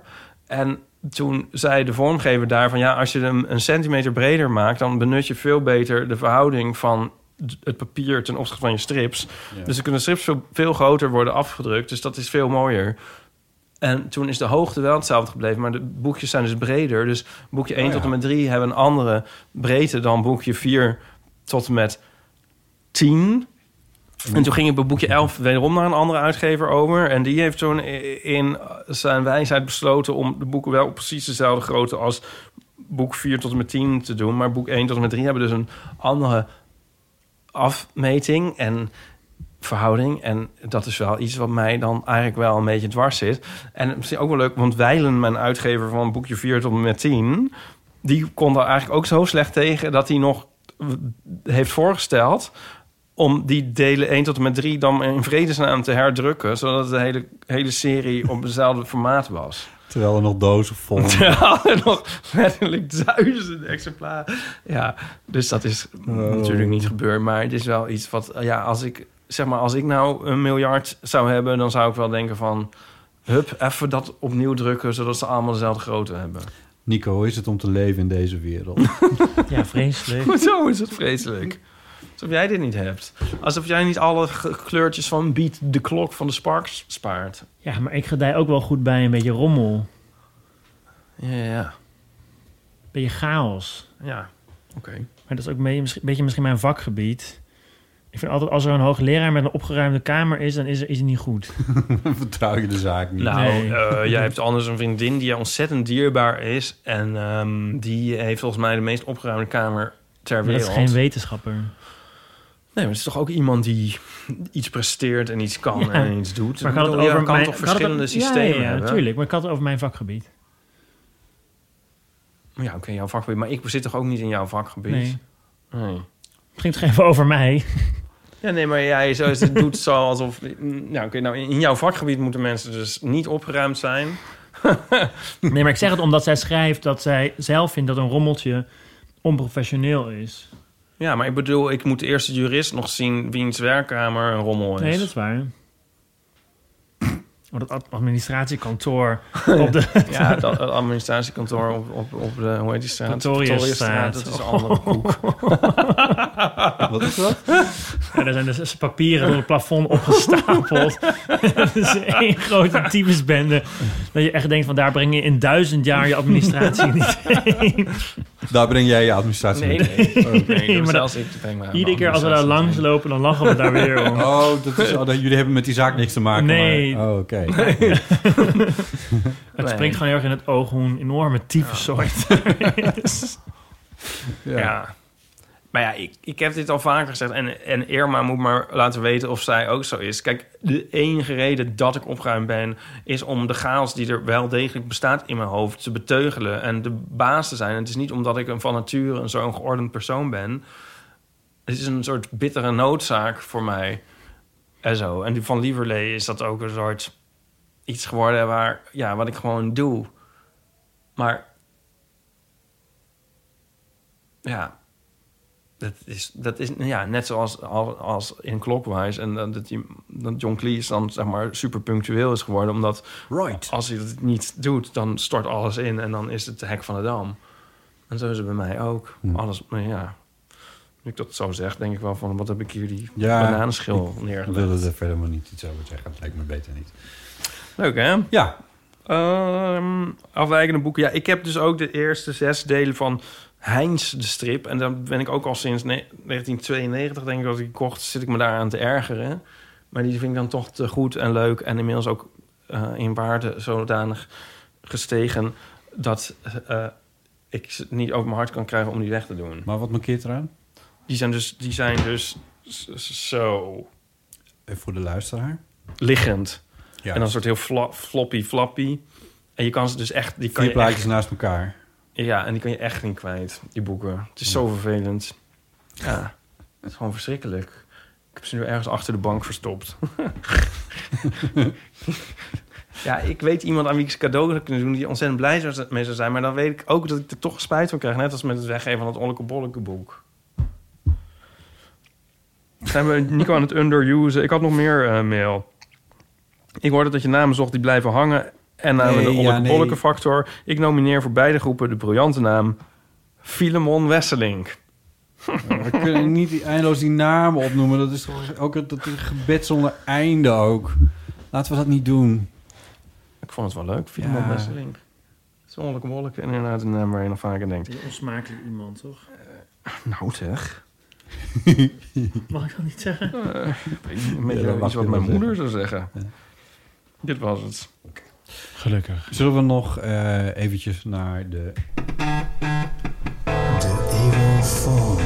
06 1990 68 71. Ipe, Nidia, die ken je. Ja, Nidia van eh Damn Honey. Damn Honey. Die heeft ingebeld ook naar aanleiding van eh, Anna en haar lesbische dochter van negen. Hallo Ipe en Botte met Lydia. Ik hoorde de vraag van Anna over haar negenjarige dochter, over het wel of niet houden van een spreekwoord over lesbisch zijn. En toen moest ik denken aan de volgende situatie. Ik maak namelijk een podcast samen met Mariette, die heet Damn Honey. Yes. En in Damn Honey bespreken we alle shit waar je als vrouw van deze tijd mee moet dealen. En onderwerpen als seksualiteit, heteronormativiteit komen vaak voorbij. En laatst mochten we ergens spreken. En na afloop kwamen er twee luisteraars naar ons toe om even hoi te zeggen. Eh, allebei rond een jaar of 16, denk ik. In ieder geval middelbare school. En ze waren groot fan, heel leuk. En ehm, nou, toen vroegen wij van, nou, hoe is het dan eh, als je nu non-binair bent of gay bent en je groeit op, je zit in de klas, hoe wordt ermee omgegaan? En toen ergens in dat gesprek kwam het buitenbeentje van de klas of van de vriendengroep ter sprake. En toen zei een van die luisteraars een beetje zo mompelend, ja, nou ja, die is dus ook hetero. Nou goed, het zal vast niet tekenend zijn voor heel Nederland, maar het geeft me wel hoop. Dus de nieuwe generatie, of in ieder geval een deel daarvan, groeit op met zulke andere beelden rondom gender en seksualiteit dan waarmee wij opgroeiden. En nou ja, ik weet niet of het eh, Anna gaat helpen in deze hele situatie, maar wie weet dat ze denkt van let's go, ga er gewoon voor, verspreid je verhaal. Ik hoop het in ieder geval. Veel lief! Hulde. Wat leuk dat Nina belt en Ja. dan een, wel een grappig verhaaltje. Ja, heel goed. Ben jij nou ook hetero en wil je erover praten? Bel dan met de telefoon. Ja. Ja, ja, heteronormativiteit, dat mag je eigenlijk niet meer zeggen tegenwoordig. Je moet gewoon normativiteit zeggen. Want anders ben je hetero's aan het stigmatiseren. Ja, zeker. Nou ja. Hè? ja. Maar en waar heb je, hoe kom je daar aan? Die wijsheid? Ja, weet ik veel. Dat, heeft iemand, dat zei iemand een keer. Wie zei dat? Nou ja, bijvoorbeeld die vriend van Nidia, die Oh de- die podcast pro- produceert. Ja, de niet on- onknappe vriend van Lydia. Ja, die, die, die, Wat is ermee? eh, die zit ook wel eens in Damn Honey. Dan wordt hij erbij gesleept voor een of ander experiment of wat dan ook. Maar dat is een van de meest, meest niet-hetero-hetero's die ik... Ja, dit is ook weer stigmatiseerd. Hoe moet je er nu nog over praten? Is het een metroseksueel? Nee, ja, nee, dat kan... Ja, Nou, dat is niet, natuurlijk ook- een niet-normatieve hetero. Oh, je bedoelt ook hetero's kunnen niet normatief zijn. Precies. Maar, heter, maar normativiteit, daar wordt doorgaans... Ik, ik bedoel, hey, ik ja, maar wij hebben ook aan- vrienden die hetero zijn... die dat niet leuk vinden als wij zeggen van... als wij Oh, daar iets aan zeggen. Van, oh, hetero's, wat doen ze weer? Nee, maar dat vind ik iets anders dan zeggen heteronormatief. Ik vind Pauline is ook... Nou, of, ja, nou, is, heet, nou, weet ik veel. is een soort voorbeeld. Maar ik bedoel, natuurlijk zijn er heel veel hetero's die niet een soort repressief... Welkom in het gendermijnenveld. Ik, ik, niet elke hetero is, is, is, is een soort van repressief, maar, maar eh, eh, er is wel... Heteronormativiteit is toch een... Oh god, ik weet oh, inderdaad niet meer wat ik moet zeggen. Ik ben helemaal flabbergasted. Ja, maar je kunt toch wel gewoon normatief zeggen... dan begrijpt iedereen wat je bedoelt. Nou, dat weet ik dus niet. het is een beetje alsof je corona de China-virus noemt. Ja, ik moet hierover nadenken. Ik moet erover nadenken. Ik Nou het ja, dat kan allemaal heel lang duren. Dat is niet iets waar wij op dit moment tijd Nee, nee, maar- hebben. Het punt is wel van... Kijk, je zou het misschien dan mas... Kijk, normativiteit... Ja, ik wil zeggen massa-normativiteit. Maar het normativi- normativiteit zit natuurlijk eigenlijk al alles... Daar zit het natuurlijk al in. Ja, Ja. dat zegt Nico. Van noem het normativiteit. maar het Maar gaat... Ja. Maar je volgt de normen van de, van de massa... en dat is nog steeds je hebt een relatie met één iemand Ja, ja, en die is gesloten. En als je één keer vreemd gaat, is het voor de rest van je leven uit. En zie je elkaar nooit meer. En je moet kinderen krijgen en je moet een baan en je moet een saai leven. Ja. Eh, en dat is allemaal wat je moet doen. Je bent dat is, nu wel een beetje de massa aan het stigmatiseren. ja, nou dat is oké. Het is, eh, weet je wat ik het denk ik, eh, bij- wat het denk ik is, is dat het hele begrip heteronormatief, daar heb ik nog niet zo heel lang geleden aan moeten wennen. En toen, weet je wel, en dan was eerst zo'n ding van, oh god, ja, nu je het zegt, dat is inderdaad iets. Ja. En zo, en dan... En, en, en nu ben ik dan eindelijk, strooi ik daar kwistig mee. en dan heb ik me dat eindelijk eigen gemaakt. En denk ik, ja, dat is godverdomme hartstikke heteronormatief. en dan is het zo van, nee, stop! Mag dit ook al niet Maar meer? dit zeggen ze al heel lang. En Toen het homohuwelijk ingevoerd zou worden, Ja. toen ging het er ook al over. Wat? Sterker nog, het COC was tegen het homo. Precies. Dat dat heteronormatief zou zijn. Ja, Dat dat, dat dat homo's de heteronorm zou brengen. ja. Ja, en je bedoelt... Weet je wie Ja. ervoor was? Henk Krol. Ja, je hebt het uitgevonden. De grote held Henk Krol. Hou op. Maar nee, ik- dat weet ik. Maar dat, dat was toen weer iets anders dan de, de term... Ik bedoel, Ja, ik bedoel eigenlijk meer van zo lang gaat het er al over. ja, het bestaat natuurlijk al langer. Het idee, Ja. maar zoals term en dat je dat zo veel- veelvuldig kan toepassen. Eigenlijk meer dat het vaker van toepassing is dan je zelf doorhad in eerste Ja, dat is instantie. Dat is voor mij relatief nieuw. Ja. En ehm, nu moet ik weer afscheid nemen van dit prachtig, prachtige kind. Misschien, misschien kan je er een ritueeltje bij. hè? Nee, maar jij maakt het heel erg belachelijk, maar wat, wat vind jij? Ja, ik vind het eigenlijk wel mooi. Ik, ik, ik, ik, heb ergens op een gegeven moment besloten dat ik er niet meer ingewikkeld over ga doen. En dat ik vanuit ga dat ik in dit mijnenveldje sowieso allemaal dingen fout doe. Eh, en dat ik ga proberen om zo goed mogelijk op te letten. En nu, eh, nu Nico zegt van heteronormatief is eigenlijk helemaal niet leuk voor de hetero's die wel hun best doen. Dan denk ik van ja, daar heb je een heel goed punt. Dus, ik ga, dus nu ga Ja. ik dat maar niet, nu ga ik gewoon normatief zeggen. Ja. Er zijn misschien wel nog mensen die nog niet zo ver zijn met het besef dat heteronormativiteit, dat dat een, echt een heel erg ding is en heel groot is. En als je dan nu alweer het stukje hetero eraf haalt, dan komen ze er nooit daarbij en aan toe. Wat Beetje vertrouwen, een beetje vertrouwen in de mensheid. Jezus, Net had je ook heel veel ja. vertrouwen in de mensheid. Dat het zo landig met dat iedereen vegetariër zou worden. Dat zei ik helemaal niet. In de montage zal je horen dat je echt helemaal niet begrijpt wat ik bedoel. Ik monteer het altijd precies zo dat ik e- echt exact zeg wat ik bedoel. Tjoe, jongen. Oh mijn god. Ehm, ja, en heel, ja, leuk, leuk. Bedankt Nidia voor dit bericht. Laten we Laat je even, vriend ook een keer iets inbellen. sorry, sorry. laten we even, ja. Hmm. Laten we even luisteren naar eh, de grote Diederik, Diederik Broekhuizen. Nee. Hey Botte, Diepe, Diederik Broekhuizen hier. Diederik. Ehm, ik wilde even over namen. Eh, ik vond jullie stukje heel interessant. En ik heb niet echt namen die door mijn hoofd gronzen, althans het heeft er wel een beetje mee te maken. Ehm, het valt me op dat jullie sommige mensen alleen met de voornaam benoemen. En sommige mensen altijd met de achternaam erbij. En ik heb daar zelf mijn eigen theorie over. Maar ik ben natuurlijk vooral benieuwd naar, naar jullie eh, theorie daarachter, waarom jullie dat doen. Zo is Geeske gewoon Geeske, of Geeske, ja, Geeske. Geeske. Misschien een beetje Geeske, ah, Geeske lief, of Geeske uit Friesland, maar niet Geeske met een achternaam.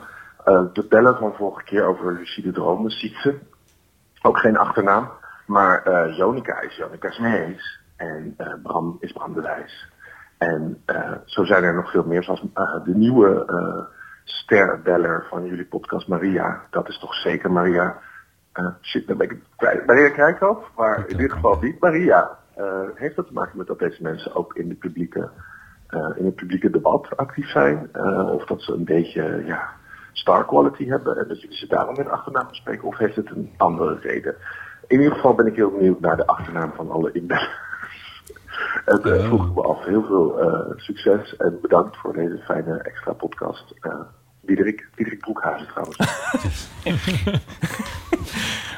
Eh, ja, ik heb, hier, ik heb hier wel een antwoord op. Een soort van beleid. Een beleid, ja. Ik, degene- ik, ik, weet, eh, doe jij het maar. ik ben volgens mij ook degene die dit doet. Ja. achternamen weglaten en zo. Ehm, en dat heeft alleen daar maar mee te maken. Met mensen die, in het, die zich sowieso al bewegen in het, eh, in het eh, hoe zeg je dat? Publieke het verkeer. Publieke verkeer, ja. Die, eh, die, en die mensen ze ook op, op een straathoek zichzelf staan te verkopen. Dat zouden kunnen niet. kennen van radio en televisie en de kranten en het internet. Die, die benoemen we met een, met een achternaam. Mensen die ervoor kiezen om zichzelf ook publiek te uiten, zal ik maar zeggen. Ehm, maar mensen die, die wat meer op de eh, achtergrond... Ja, I don't know. Ik, het leek me heel gek om iedereen die inbelt... Sowieso vind ik het heel fijn dat er toch een iets van anonimiteit in zit. Ik vind het wel heel leuk als mensen hun naam zeggen als ze inbellen, maar het hoeft niet. Ehm, maar ik zal dat niet zo snel ook met de achternaam, want dan kun je mensen googlen en al die dingen meer. Dus dat laat ik liever. Eh, dat, ja, ik, ik snap dat je het interessant vindt om achternamen erbij te horen, maar nou, volgens mij doet het over het algemeen niks af aan het verhaal wat ze vertellen. Dus daarom laat ik het bij een voornaam. Ja, nou, dat zo dacht ik Een ook. het idee wat daar Ja. Maar, maar, eh, Linda Duits. ja, het zijn zo die... die, hmm, het is een onambiguïsering, want die mensen kunnen ze- onze luisteraars kennen en dan weten ze ook weer even over wie we het hebben. En Ja. terwijl de occasional, zeg maar, nee, de, de, de, de, spora- de, iemand die één keer inbelt of schrijft, die heeft er misschien helemaal niet voor gekozen om met zijn naam en Nee. achternaam. Maar we hebben dat gezegd hebben, hebben we ook vrienden die we eigenlijk ook altijd met Ja. voor- en achternaam Ja, aanduiden. Ja, van eentje weet ik het. Ja, dat is nu gek om het nu te gaan Martijn Maarsen. Ja, precies. Ja. Ja, Ja, omdat er meerdere Martijnen in jullie leven rond waren. Maar niet per se hoor, toch? wat? Nou, ooit hadden we er... Ja, dat is ook weer zoiets. Want vroeger had ik wel tien Martijns en nu eigenlijk... Maar nu alleen nog Martijn Maarsen. Ik weet niet welke andere. Het is blijven hangen. Maar ik heb dus ook een soort Michiel-vormige leegte in mijn leven. Vroeger had ik wel duizend Michiels en ik heb nu geen Michiel momenteel. En zo heb je van die mensen, weet je wel, die, die komen en gaan. ja, Ik, ik zit ook niet heel, heel goed in de marks momenteel. Eh, nou, wel. Of ja. goed, goed inzet, weet ik niet. Je zit meer tussen de splinters en de vinnen en de... Nee, dat begrijp ik wel, ja. Dat is dus gewoon praktisch ingegeven. eh, Nou, niet altijd, want het kan ook een soort cadans hebben of zo. En het slijt in en voor je het Maar weet is als het... een soort, is bijna het- als een soort bijnaam. Ja, als het klopt. Oké. Ja. Diederik Broekhuizen. Oh mijn god. Oh, Oh mijn god. nou, dat gaan we weer. Oh, nee. Tot volgende week in onze rubriek. Olleke bolleke. Weet je wat ook, ook een, wat, wat ook een sound to it, een ring to it heeft? Het olke verbod. Dat heeft ook een certain ring to it. Het is toch hartstikke leuk. Mensen genieten. Ik krijg zoveel reacties op straat. Spreken mensen me aan. Die olleke bollekes in jullie show. Klampen je aan, omhelzen je. ja, laten we dan nog eventjes eh, eentje doen over de lucide dromen. Ja. Eh, Of zullen we dat juist verschuiven naar als Jo- Jonica daar ook een... eh Oh, daar heb je een goed punt. Jonica Smeets daar ook een eh, bijdrage over heeft We hebben nog geleverd. een mooi voorbeeld van iemand die heeft iets ingebeld over een awkward online meeting. Ja, dat lijkt me leuk. Laten we daar even naar luisteren. Hey Botte en Ipe, Eh, Suzanne hier. Ik heb een, eh, een berichtje eigenlijk voor eh eh, Jonica. Ze had een oproep Oh. ehm, omdat ze benieuwd was naar eh, ongemakkelijke videomeetings en ehm, gebeurtenissen en zo.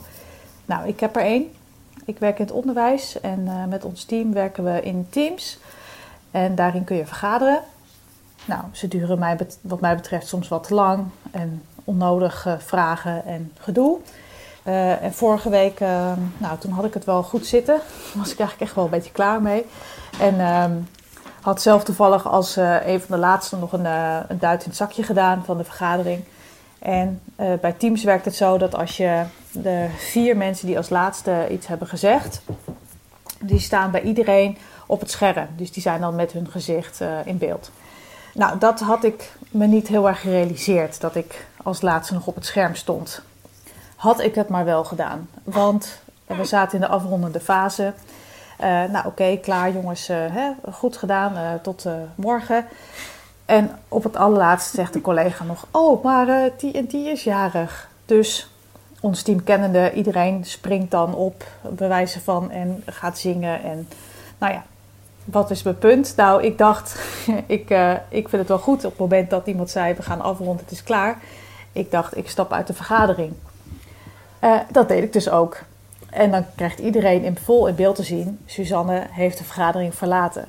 En precies op dat moment begon iedereen dus met zingen. Ik had het zelf dus helemaal niet in de gaten... totdat een collega mij dus gelijk even een berichtje stuurde van... hey Suzanne, ben jij lekker uit de vergadering gesneakt... en eh, het zingen is er niet meer bij tegenwoordig. Eh, toen dacht ik wel, oh ja, oeps, gênant. Nou, ehm, dat, is dus van, dat zijn dus van die dingen die, eh, die gebeuren. Ehm keep up the good work. Dank jullie wel voor alle podcast en ik geniet ervan. Oké, dag. Wat? Dat is toch gênant dat je moet zingen voor je collega? Via Zoom ook nog. Vreselijk. Ja, ik weet niet, dat lijkt me erger dan wat haar dan is overkomen. Ja.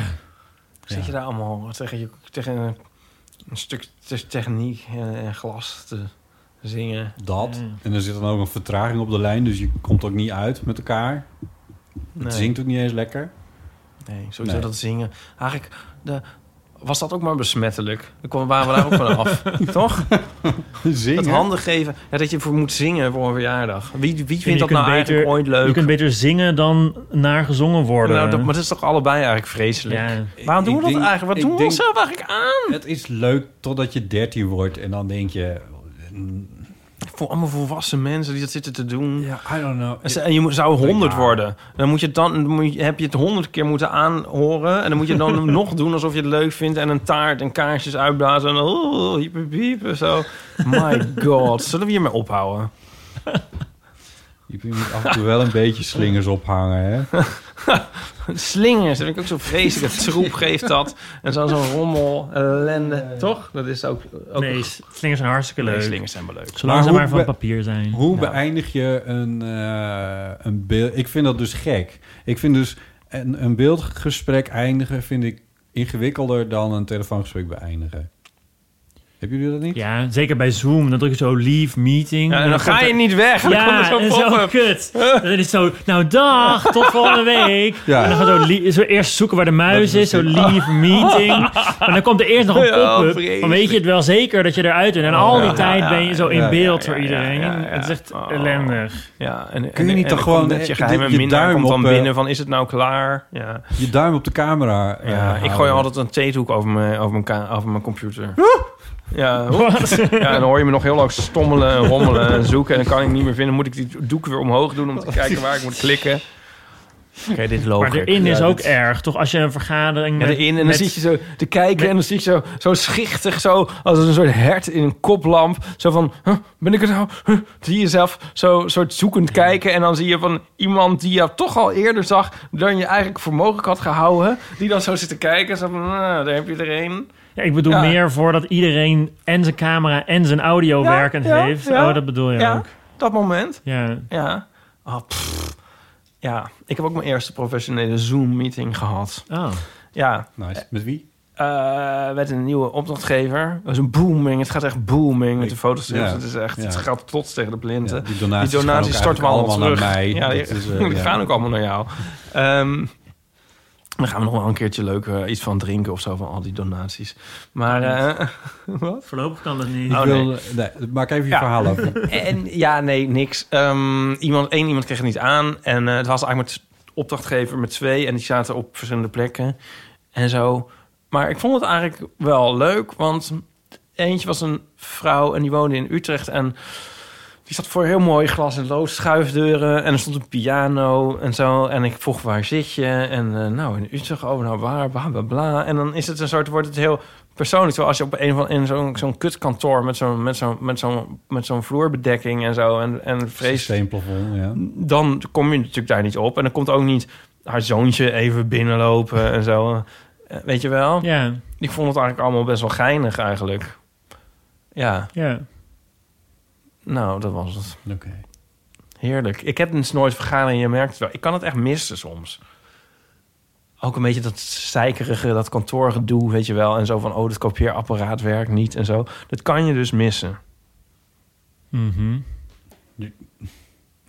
Ja, Nee, maar dat is, het kopieerapparaat is een, zeg maar, een gemeenschappelijke vijand en zo. Dat is een soort bonding en zo, weet je wel. Er zijn allemaal aspecten aan het kantoorbestaan die ik echt kan missen. De hele geur Je kan ik missen van... De studio toch? Dat is toch ook genoeg om... Ja, nee, maar dat je in een organisatie werkt en die eigenlijk... eh, een soort Kafkaeske organisatie die iets zinloos doet... en waarbij je een soort slaaf en radar bent. Dat kan ik heel erg missen. Je zit me zo raar aan te kijken. Ja, Dit is nee, toch niet zo raar, raar? Met TL-licht dat dan een soort knippert... en dan moet je een, een, een soort, soort, soort zo'n ding aanmaken. Zo'n zo'n Ticket. een ticket moet je dan aanmaken om het te laten vervangen. Dat komt niet en zo. En eh, weet je wel. En je hebt nog een la met dossiers waar eigenlijk nog iets mee moet. En zo. Je realiseert je wel dat je Nico's leven aan het omschrijven bent. Nee, helemaal niet. Mijn Helemaal- leven is helemaal nee. niet zo. Nee. Ik zit mijn eigen oude leven te omschrijven, wat ik mis. In de wetenschap is iedereen best wel voor zichzelf of zo. Je hebt zelf een, een, een, een, een aantal TL-buizen naast je bureau staan. Nou, dat niet. Maar je hebt niet, je hebt niet van de, de dagelijkse dingen of zo. Je zit echt met je eigen onderzoek en een beetje met Ja. onderwijs. Maar ja. Nou, het klinkt weer alsof ik lieg. En dat begrijp ik ook wel. Maar Nee, maar sommige banen hebben dat wel. Ik, ik- dat is gewoon dat iets wel. wat ik ook best Ja. wel leuk vond. En soms wel terug naar verlang. Zoals, je, zoals in, weet ik veel, zoals waarschijnlijk een gevangene naar de gevangenis terug kan verlangen. Of een, of een gek naar Ja. het gesticht. Ipe, je zet, je zet de Ipe weer in de hyperbol. Jezus.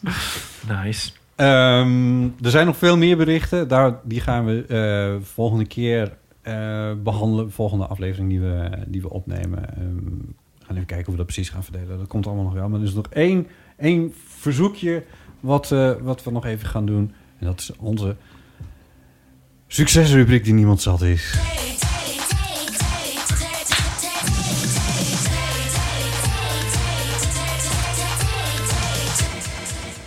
We hebben hem eigenlijk al bijna uitgespeeld, maar we gaan proberen om toch nog even te kijken over... Dit is een, weer een nieuw pakketje met thee, Pickwick theezakjes. Wanneer voel jij je het energiekst? Nou, eh, als de dealer is langs geweest en ik net er een neus speed heb gehaald. Ehm, het energiekst. Ik weet het, ik weet het. Wat Ja? is energiekst? Nou, vol levenslust, Oh zo. denk ik. Toch? Ja, ik zal wel, maar zal ik, ja, ik weet het. Ik weet het echt. Want wanneer ik mij dus het energiek kan voelen, is natuurlijk uiteraard als het niet uitkomt. Dus ik kan soms heel veel zin hebben om, zeg maar, de volgende dag aan iets te gaan werken. En dat ik eigenlijk dus naar bed moet, maar helemaal denk van, oh, morgen kan ik. Oh, ik, eh, eh, weet je wel, ik moet heel veel foto's heb ik nog staan en dan kan ik iets van bakken en ik wil aan een liedje werken en dingen en zo. op kleur sorteren. Oeh, en ik kan niet wachten. En dan ben ik zo helemaal zo, zo, zo fired up. Maar dan moet ik eens slapen. maar dat is echt het ja. moment... Ik bedoel, ik ben misschien op alle momenten wel meer energiek. Maar dat je denkt van, ah, kut. Weet je wel, het is al twee uur. En dan zo... Dat je al die energie niet kwijt kan eigenlijk. Mm. ja. Dan voel ik het echt. Ja. Maar misschien sowieso s'avonds. Dat je zo, toch? Dat je zo de, hele dag zit je zo... eh, en dan is het... eh, niks van het werk komt terecht. zo, En dan is het avond en dan is het Ja. zo... Ja, Kan niet op. ja, Toch? ja, compleet. Ja. Ja, totaal. En het meest, het allerergst heb ik dit bij als ik s'avonds muziek heb gemaakt. En dan als ik dan zo in een loop heb ik dan zo'n liedje laten gaan, eh, iets waar ik aan werk of zo.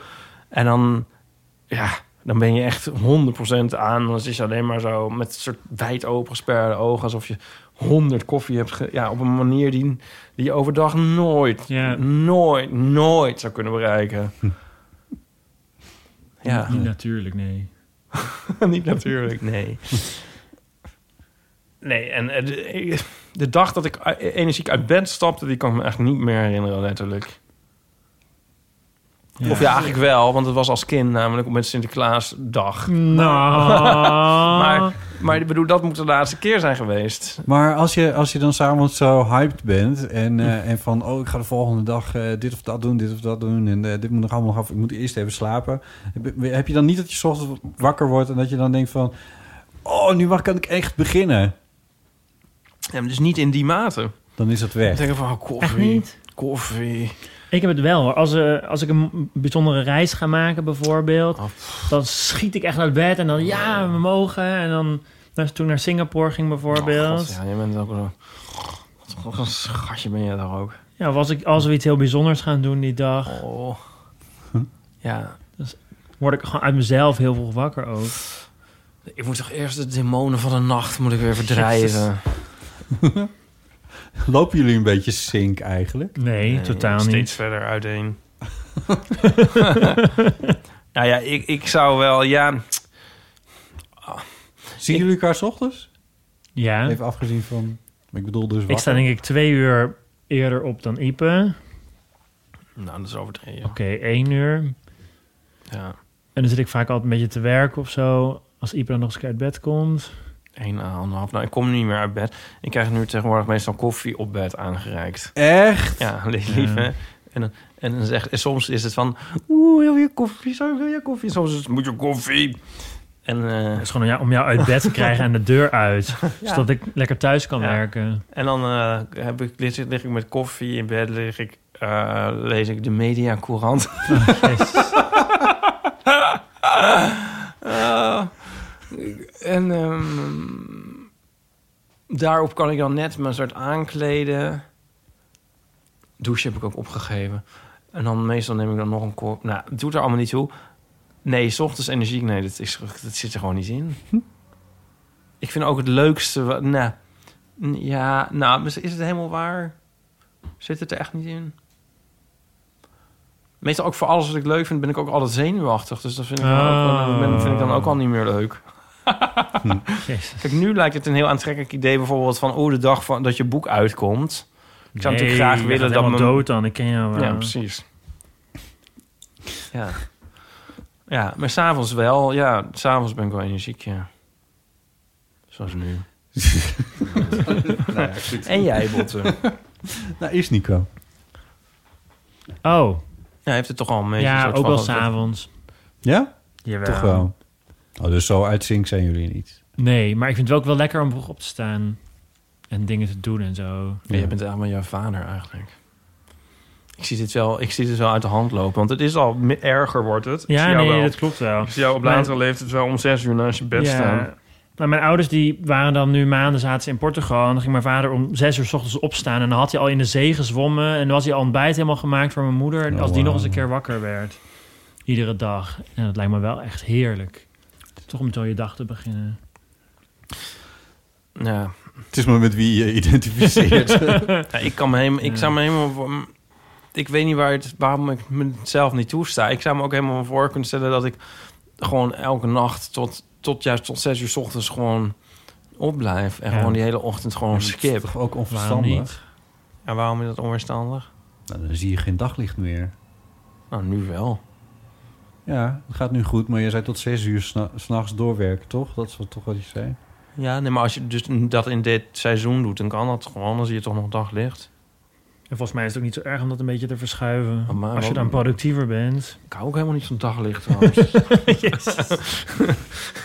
moet je... Nee, maar... Kijk, je moet voor mij natuurlijk helemaal niks. Maar het is meer dat ik denk van ja... Je, kan... Je kan je... je, je- je- ik bedoel, hè, als het de klok verzet wordt naar zomertijd... dan verplaats je jezelf ook een uur. Nou, ja, nee, dat hele, dat hele, eigenlijk, ik moet er wel eens aan denken dat toen ik dus zelfstandiger werd en afscheid nam van dat kantoorbestaan, wat ik net zo lyrisch Ja. beschreef dat ik zo mis, toen dacht ik van, en dan is nu het onderscheid weekend wekendag is ook een soort voorbij. En het is dus niet zo, Nee. want je kan je niet onttrekken aan wat al die andere kutmensen doen. Maar jij houdt het zelf ook wel heel erg in stand. Ik hou het ook wel erg in stand, maar dat ik is doe dat ook minder dan, dan dat Ja, jij dat het doet. is ook omdat ik gewoon heb ervaren dat het gewoon... Het is gewoon niet anders. En hetzelfde is met het dag- en nachtritme. En je hebt je bijna wel aan te passen. En dit, dit zou ik ook eigenlijk... Het is ook een vorm van... Al dan niet de heteronormativiteit. Zo van iedereen doet het zo. En dan gaan ze je 's ochtends bellen en zo. En weet ik veel wat. En, maar dat is het niet eens. Het is ook heel erg ingesleten en ingebakken bij jezelf. Zo van... ik voel dus... Ik wou dat ik een soort bon vivant was... die het allemaal geen eh, niks kon schelen. Maar als, ik, als, het, als het na tweeën wordt of zo... dan begin ik dan toch wel zenuwachtig worden van... oeh, ik moet naar bed. En dan, ja, van niemand moet dat eigenlijk. Niemand kan me dat zeggen. En toch voel ik dat. Dat vind ik heel irritant. Nee, maar misschien kun je dan deze tijd met corona gebruiken... om dat eens voor jezelf uit te proberen hoe dat is. Hè, nu- zou jij dat leuk vinden? Want dan ik denk juist dat ik het window heb gemist. Dat ik dat al Ja. eerder had moeten doen. En nu is het gewoon, dit is nou nu een beetje zo als het is. Ik zou het niet per se leuk vinden, maar ik denk dat het is goed om te doen wat bij je past en fijn voor je is, toch? Ja, maar dan zeg ik dus ook van als de zomertijd begint, dan, gaat, dan verschuif je je ritme ook een uur. Of als je naar een ander land gaat, verschuif je je ritme. Je, Ja. hebt er wel een hand in of zo. Ik bedoel, je, je wordt een beetje solitair, denk ik. En je, je deelt weinig uren met anderen. ja, Ja. Dus dat is ook weer een beetje gedoe. Want dat is uiteindelijk denk ik ook wel het aantrekkelijke voor vroeg opstaan... dat je ook je soort weer even aan de wereld onttrekt natuurlijk. Ja. Dat je Ja. het allemaal even voor jezelf alleen hebt. ja. Dus dat is op een beetje zo... Het, bijna hetzelfde. Dan, op, dan,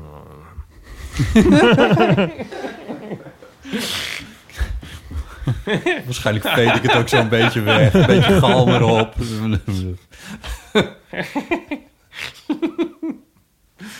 Energiek, ja. Nee, ja. Energie is overrated. Ik fiets ook wel eens naar de studio en dan, en dan kan ik echt alleen maar aan koffie denken. Daarom nam ik vanochtend nog een koffie. Dan Oh. dacht ik van anders ben ik weer de hele dag, eh, 20 minuten denk ik alleen maar koffie, koffie. Ja, Nou, ik heb dat niet zo. ik ben echt volledig... Ja, en jij, Botte? Hebben we jou al gehad? Nee, ja. Ehm, nou, eh, ik zit niet per se, ik zat niet per se in een moment van de dag te denken of zo, maar eh, afgelopen weekend, nou eigenlijk afgelopen dagen, eh, heb ik dus zitten klussen aan dat bed en die laden ze eronder gemaakt. Jullie hebben het bekeken en zo. Ik had er al iets over gezegd. En ehm, ik merkte nu ook weer hoe tof ik dat eigenlijk vind om iets te bouwen. En Ja. iets eh, dat ik daar heel erg eh, eh, energiek van word om zoals bijvoorbeeld het bed is nu iets opgehoogd het, het, het voert te ver et cetera. Ik moest in ieder geval nu nog even twee latjes hebben. Dus toen ben ik vanochtend op de fiets gestapt. Toen ben ik hier naar die doe het zelfzaak die hier verderop zit gefietst. Heb ik die latjes gehaald. En dan haal ik hier Nou, alles alles zelf zijn. Ja, er zit bij de, bij de, vlak bij de Oosterkerk zitten en doe het zelf. Oh. Doet doet er niet zoveel toe, maar dan kun je op de fiets makkelijk hier vanaf hier naar de. Nee, dit is voor niemand interessant Wel. eigenlijk. Voor Floor. is het interessant. Anyway. Ehm, Uitgangspunt is dat alles interessant is. ehm, Je had het uit die gitaar kunnen halen. Oké, sorry. die latjes, Ah, nou, nu moet je naar huis. Ja. Nee, ja. Nou ja, ehm, maar dan die, weet je, dan, dat vind ik dan fijn om dat te maken en te doen. En dan Ja. is het klaar en dan heb Ja. ik iets, iets, er iets beter in mijn huis en zo. Dat, dat zijn allemaal heel goede dingen. Daar word ik toch wel heel energiek van. Ja. En ik heb het ook met, het- nu over de gitaar begint, ook met muziek maken heb ik Ja. het ook. Eh, dat, dan vergeet ik ook de tijd en dan eh, dat vind ik heel tof om te doen. Eh, mijn broer die stuurde me een filmpje dat hij met zijn jongens eh, zat te kijken naar, ik weet niet eens meer wat. En dan zat eh, gitaar in en dat had hij die jongens verteld van ja, dit is nou, dit is nou gitaar wat je nu hoort en dat, dat speelt botten. En dat had hij naar mij gestuurd. En toen heb ik dat even een beetje nagespeeld of voorgedaan. Dat moest allemaal op video natuurlijk, want we kunnen elkaar niet zien. En ben ik dan eigenlijk veel te lang mee bezig. Maar dat vind ik, dat is gewoon ontzettend tof om te doen. Muzikaal stelt het allemaal niet zoveel voor. Maar dat is dan voor die jongens en alles. Ja, leuk. Ja, dat is echt heel tof. En daar krijg ik ook al verder energie van. Ja. Leuk. ja. Nou, Je bed is ook heel mooi geworden, zou ik ook even zeggen. Nou, voor dankjewel. luisteraars Ik dat ben weten. er ook echt wel blij mee. Ik Ja. moet Nico de- heeft trouwens ook een soort hobby ontdekt. Nou, of de, op, Herontdekt. herontdekt. Ja. Opgepakt. Wat is dat? Wil je het vertellen, Nico? Ja, eh, Tantra-seks. nee. Eh, eh, maken van kleding en lichaamssieraden. Het maken van kleding en lichaams... Wacht, hier was een fotostrip over dat jij een t-shirt aan had. Nee, ik denk dat het een Een Insta-story story. was. Dat was een Insta-story. Ja, In zijn story. Nico had een t-shirt het? voor mij gemaakt. Heel Ja. erg leuk. Jij maakt t-shirts. nou, eh, onder andere, Hij heeft ja. voor zichzelf een broek gemaakt. ja. Oh, wauw. En ik heb voor broek. een vriend een lichaamssieraad gemaakt. En dat lichaam was al zo'n sieraad. Wat heb ik, heb ik nou nog meer gemaakt? Ga je ook vertellen wat voor sieraad dat was? Ja, het, een harnas. En normaal zijn die altijd zo heel saai. Gewoon iedereen heeft een beetje dezelfde. Dus zo van die leren straps met zo van die Ja, over ringen. je borst en eh, Gewoon heel saai. schouders, Ja. En ik vond het wel leuk om daar iets bijzonders mee te doen. Dus voor één vriend heb ik eh, een harnas van parelketting gemaakt. Dus heb ik zelf de parels geregen. En, Oh, wow. eh, dus helemaal dat klassie, die klassieke vormen dan met parels. Ja. En voor een ander heb ik het met gouden ketting gemaakt. ehm, versierd met nog d- dwarskettingjes. Ehm, zo zat ik een beetje te vreubelen. Oh, was het maar Pride. Ja, dat is wel de andere kant. Ja. Nou, maar die broek is gewoon hartstikke mooi. En alles wat je maakt trouwens. En kunnen toch ook gewoon dat... eh, ja, zo is het ook leuk. Ja, maar, Maar- het is wel dus, ik, het, ik- het is wel een beetje dus rave kleding, uitgaansfestival kleding. Ja, maar, nou, ja, maar die broek Dus dat die is kan je gewoon in huis. Ja, dat is waar. Maar het is wel jammer dat we dat allemaal moeten missen. Het is wel jammer dat we het allemaal moeten missen. Je hebt een naaimachine dan ook. Ja, een Ja. gewone en een lokmachine. Wat En vooral die lokmachine, dat is echt, dat raad ik echt iedereen aan. Dat is fantastisch. Wat is dat? Een kinderlokmachine. Nee, dat is een machine die, eh, die snijdt de stof en die ehm, stikt dan over de rand heen, zodat de stof ge- ingelokt wordt, zodat hij niet rafelt. Ja. En de stiksels zijn ook ehm, eh, rekbaar.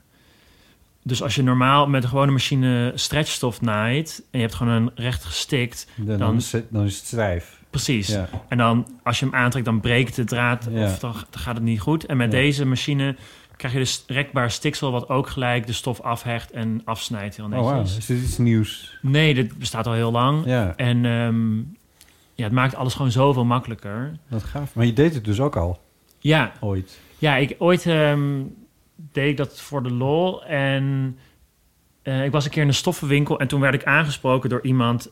die vroeg of ik een opdracht voor hem wilde doen...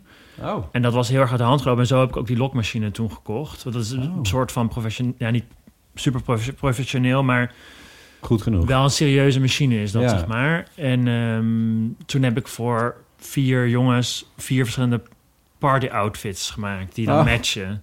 Oh. Ja, echt van alles en nog wat. Van, van zwembroeken tot, tot capes en eh, maskers en weet ik veel. Oh, wauw. Ja, dat was heel leuk om te Wat doen. gaaf, joh. Ja. Daar krijg je ook energie van. ja, absoluut. Ja.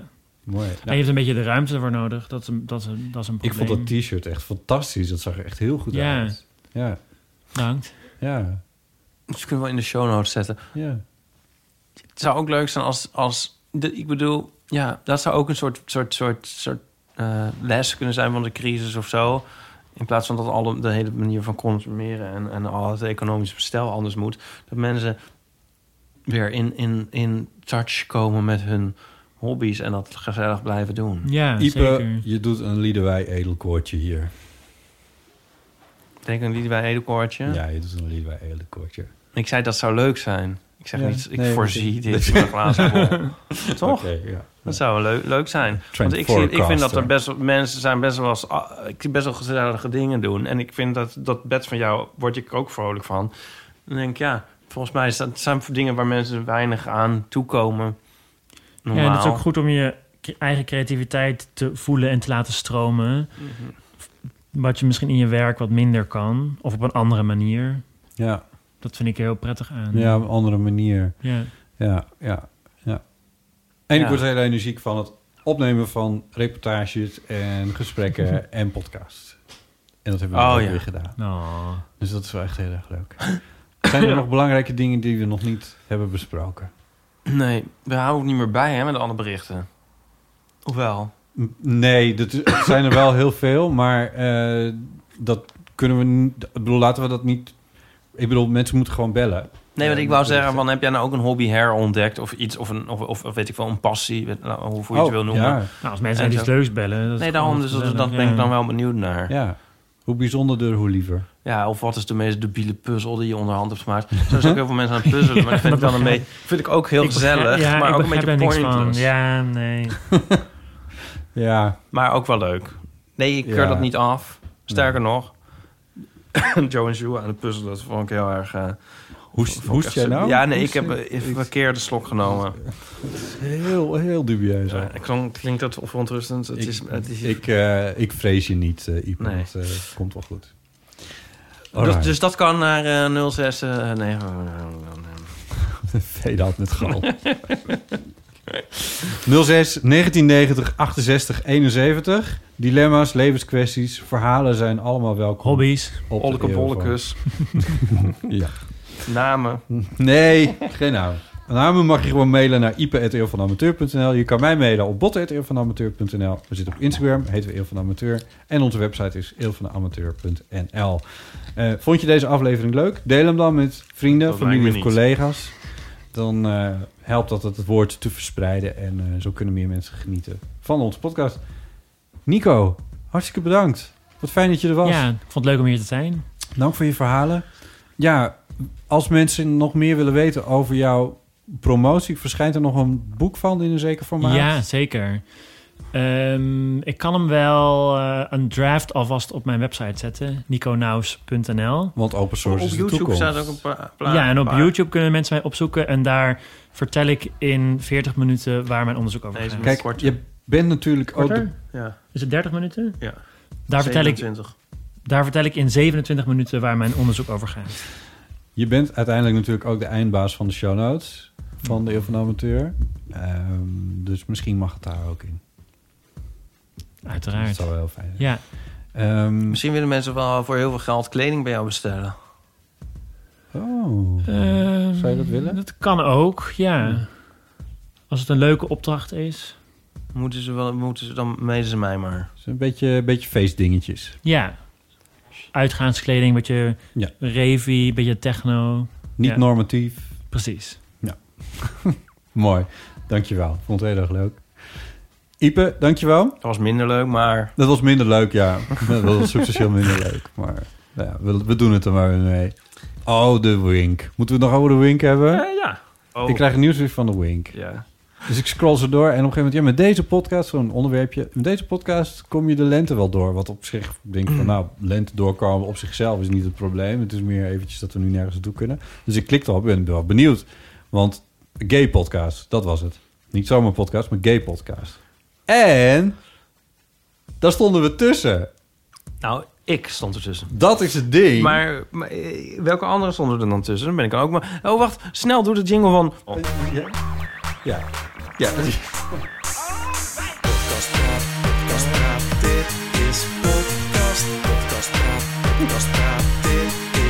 God, wat duurt dit lang. Nou, Ja, wat stond er allemaal nog meer in? In dat lijstje, nee, daar kunnen we allemaal niet aan beginnen. Dat Hoezo niet? Nou ja, het echt gebeurt stond erin. Dat was heel erg leuk. Is dat een gay podcast? Nou, nee, maar de, het puber dagboek van Johan Goosens, die aflevering. Oh, een specifieke aflevering? Ja, ja Oh. bij ons hadden, hadden ze gekozen voor de aflevering die we eh, op Noorderzon hadden opgenomen. Dat staat nergens op. Nee, dat is in augustus. Eh, maar goed, het tekstje erbij is... Ja. Ipe Driesen, met een link naar fotostrips volgens mij... Oh ja. Publiceert al jaren fotostrips en illustreerde meerdere boeken. Naast zijn Oh. dagelijkse fotostrips maakt Oh. hij momenteel Oh. de podcast De Eeuw van de Amateur. Samen met Botte Jellema en Pauline Cornelissen. Wie? Ja, Dat had er wel afgekund. Oprolbaar geschreven. Oh, de te lang was, dan kon het einde eraf. Oh, de wink. Nou, Alles wat ik hier verder over zeg klinkt als... eh, als eh, Nou, ja, want wat je hiervoor gezegd Nee. had, klonk nog niet zo. het is ook niet- ik had er ook misschien niet over... Nou ja, nee, misschien niet. Hoe het ook Ik natuurlijk afknippen straks allemaal. Goed. Ja, nou, ik vind het heel leuk van de Wink. We zijn een ontzettend leuk blad. We zijn een ontzettend vermeld. leuk blad dat ik graag Heerlijk. lees. Kostelijk. Ja, ja. Ehm, niet Onder echt. andere Niet eh, de. Gaykrant zit, zit daar nu bij, bij de Wink. En die is ooit van Henk Krol geweest. Zo is het helemaal weer rond. Jee, want de Gaykrant is ook een zelfstandige titel. Die is doorgegaan. Die is, de titel is gekocht. En oh, wat weet je hier weer? Je weet hier weer veel te veel van. nou ja, ik weet het toevallig. Kijk, nou ja, maar dit wordt dus geresearched in de eeuw van de amateur. Hè? En dat Wink dan niet een research doen van wie de eeuw van de amateur nou eigenlijk... Ja, dat, van wie hè? eigenlijk Nou, is. Zo, Ik ben de eeuw van de amateur. hoe het ook zij. Hartelijk dank voor het Ja, jij luisteren. bedankt. Oh En ja. tot de volgende keer. Ciao. Doei! Tjus, bedoel ik. Tjus.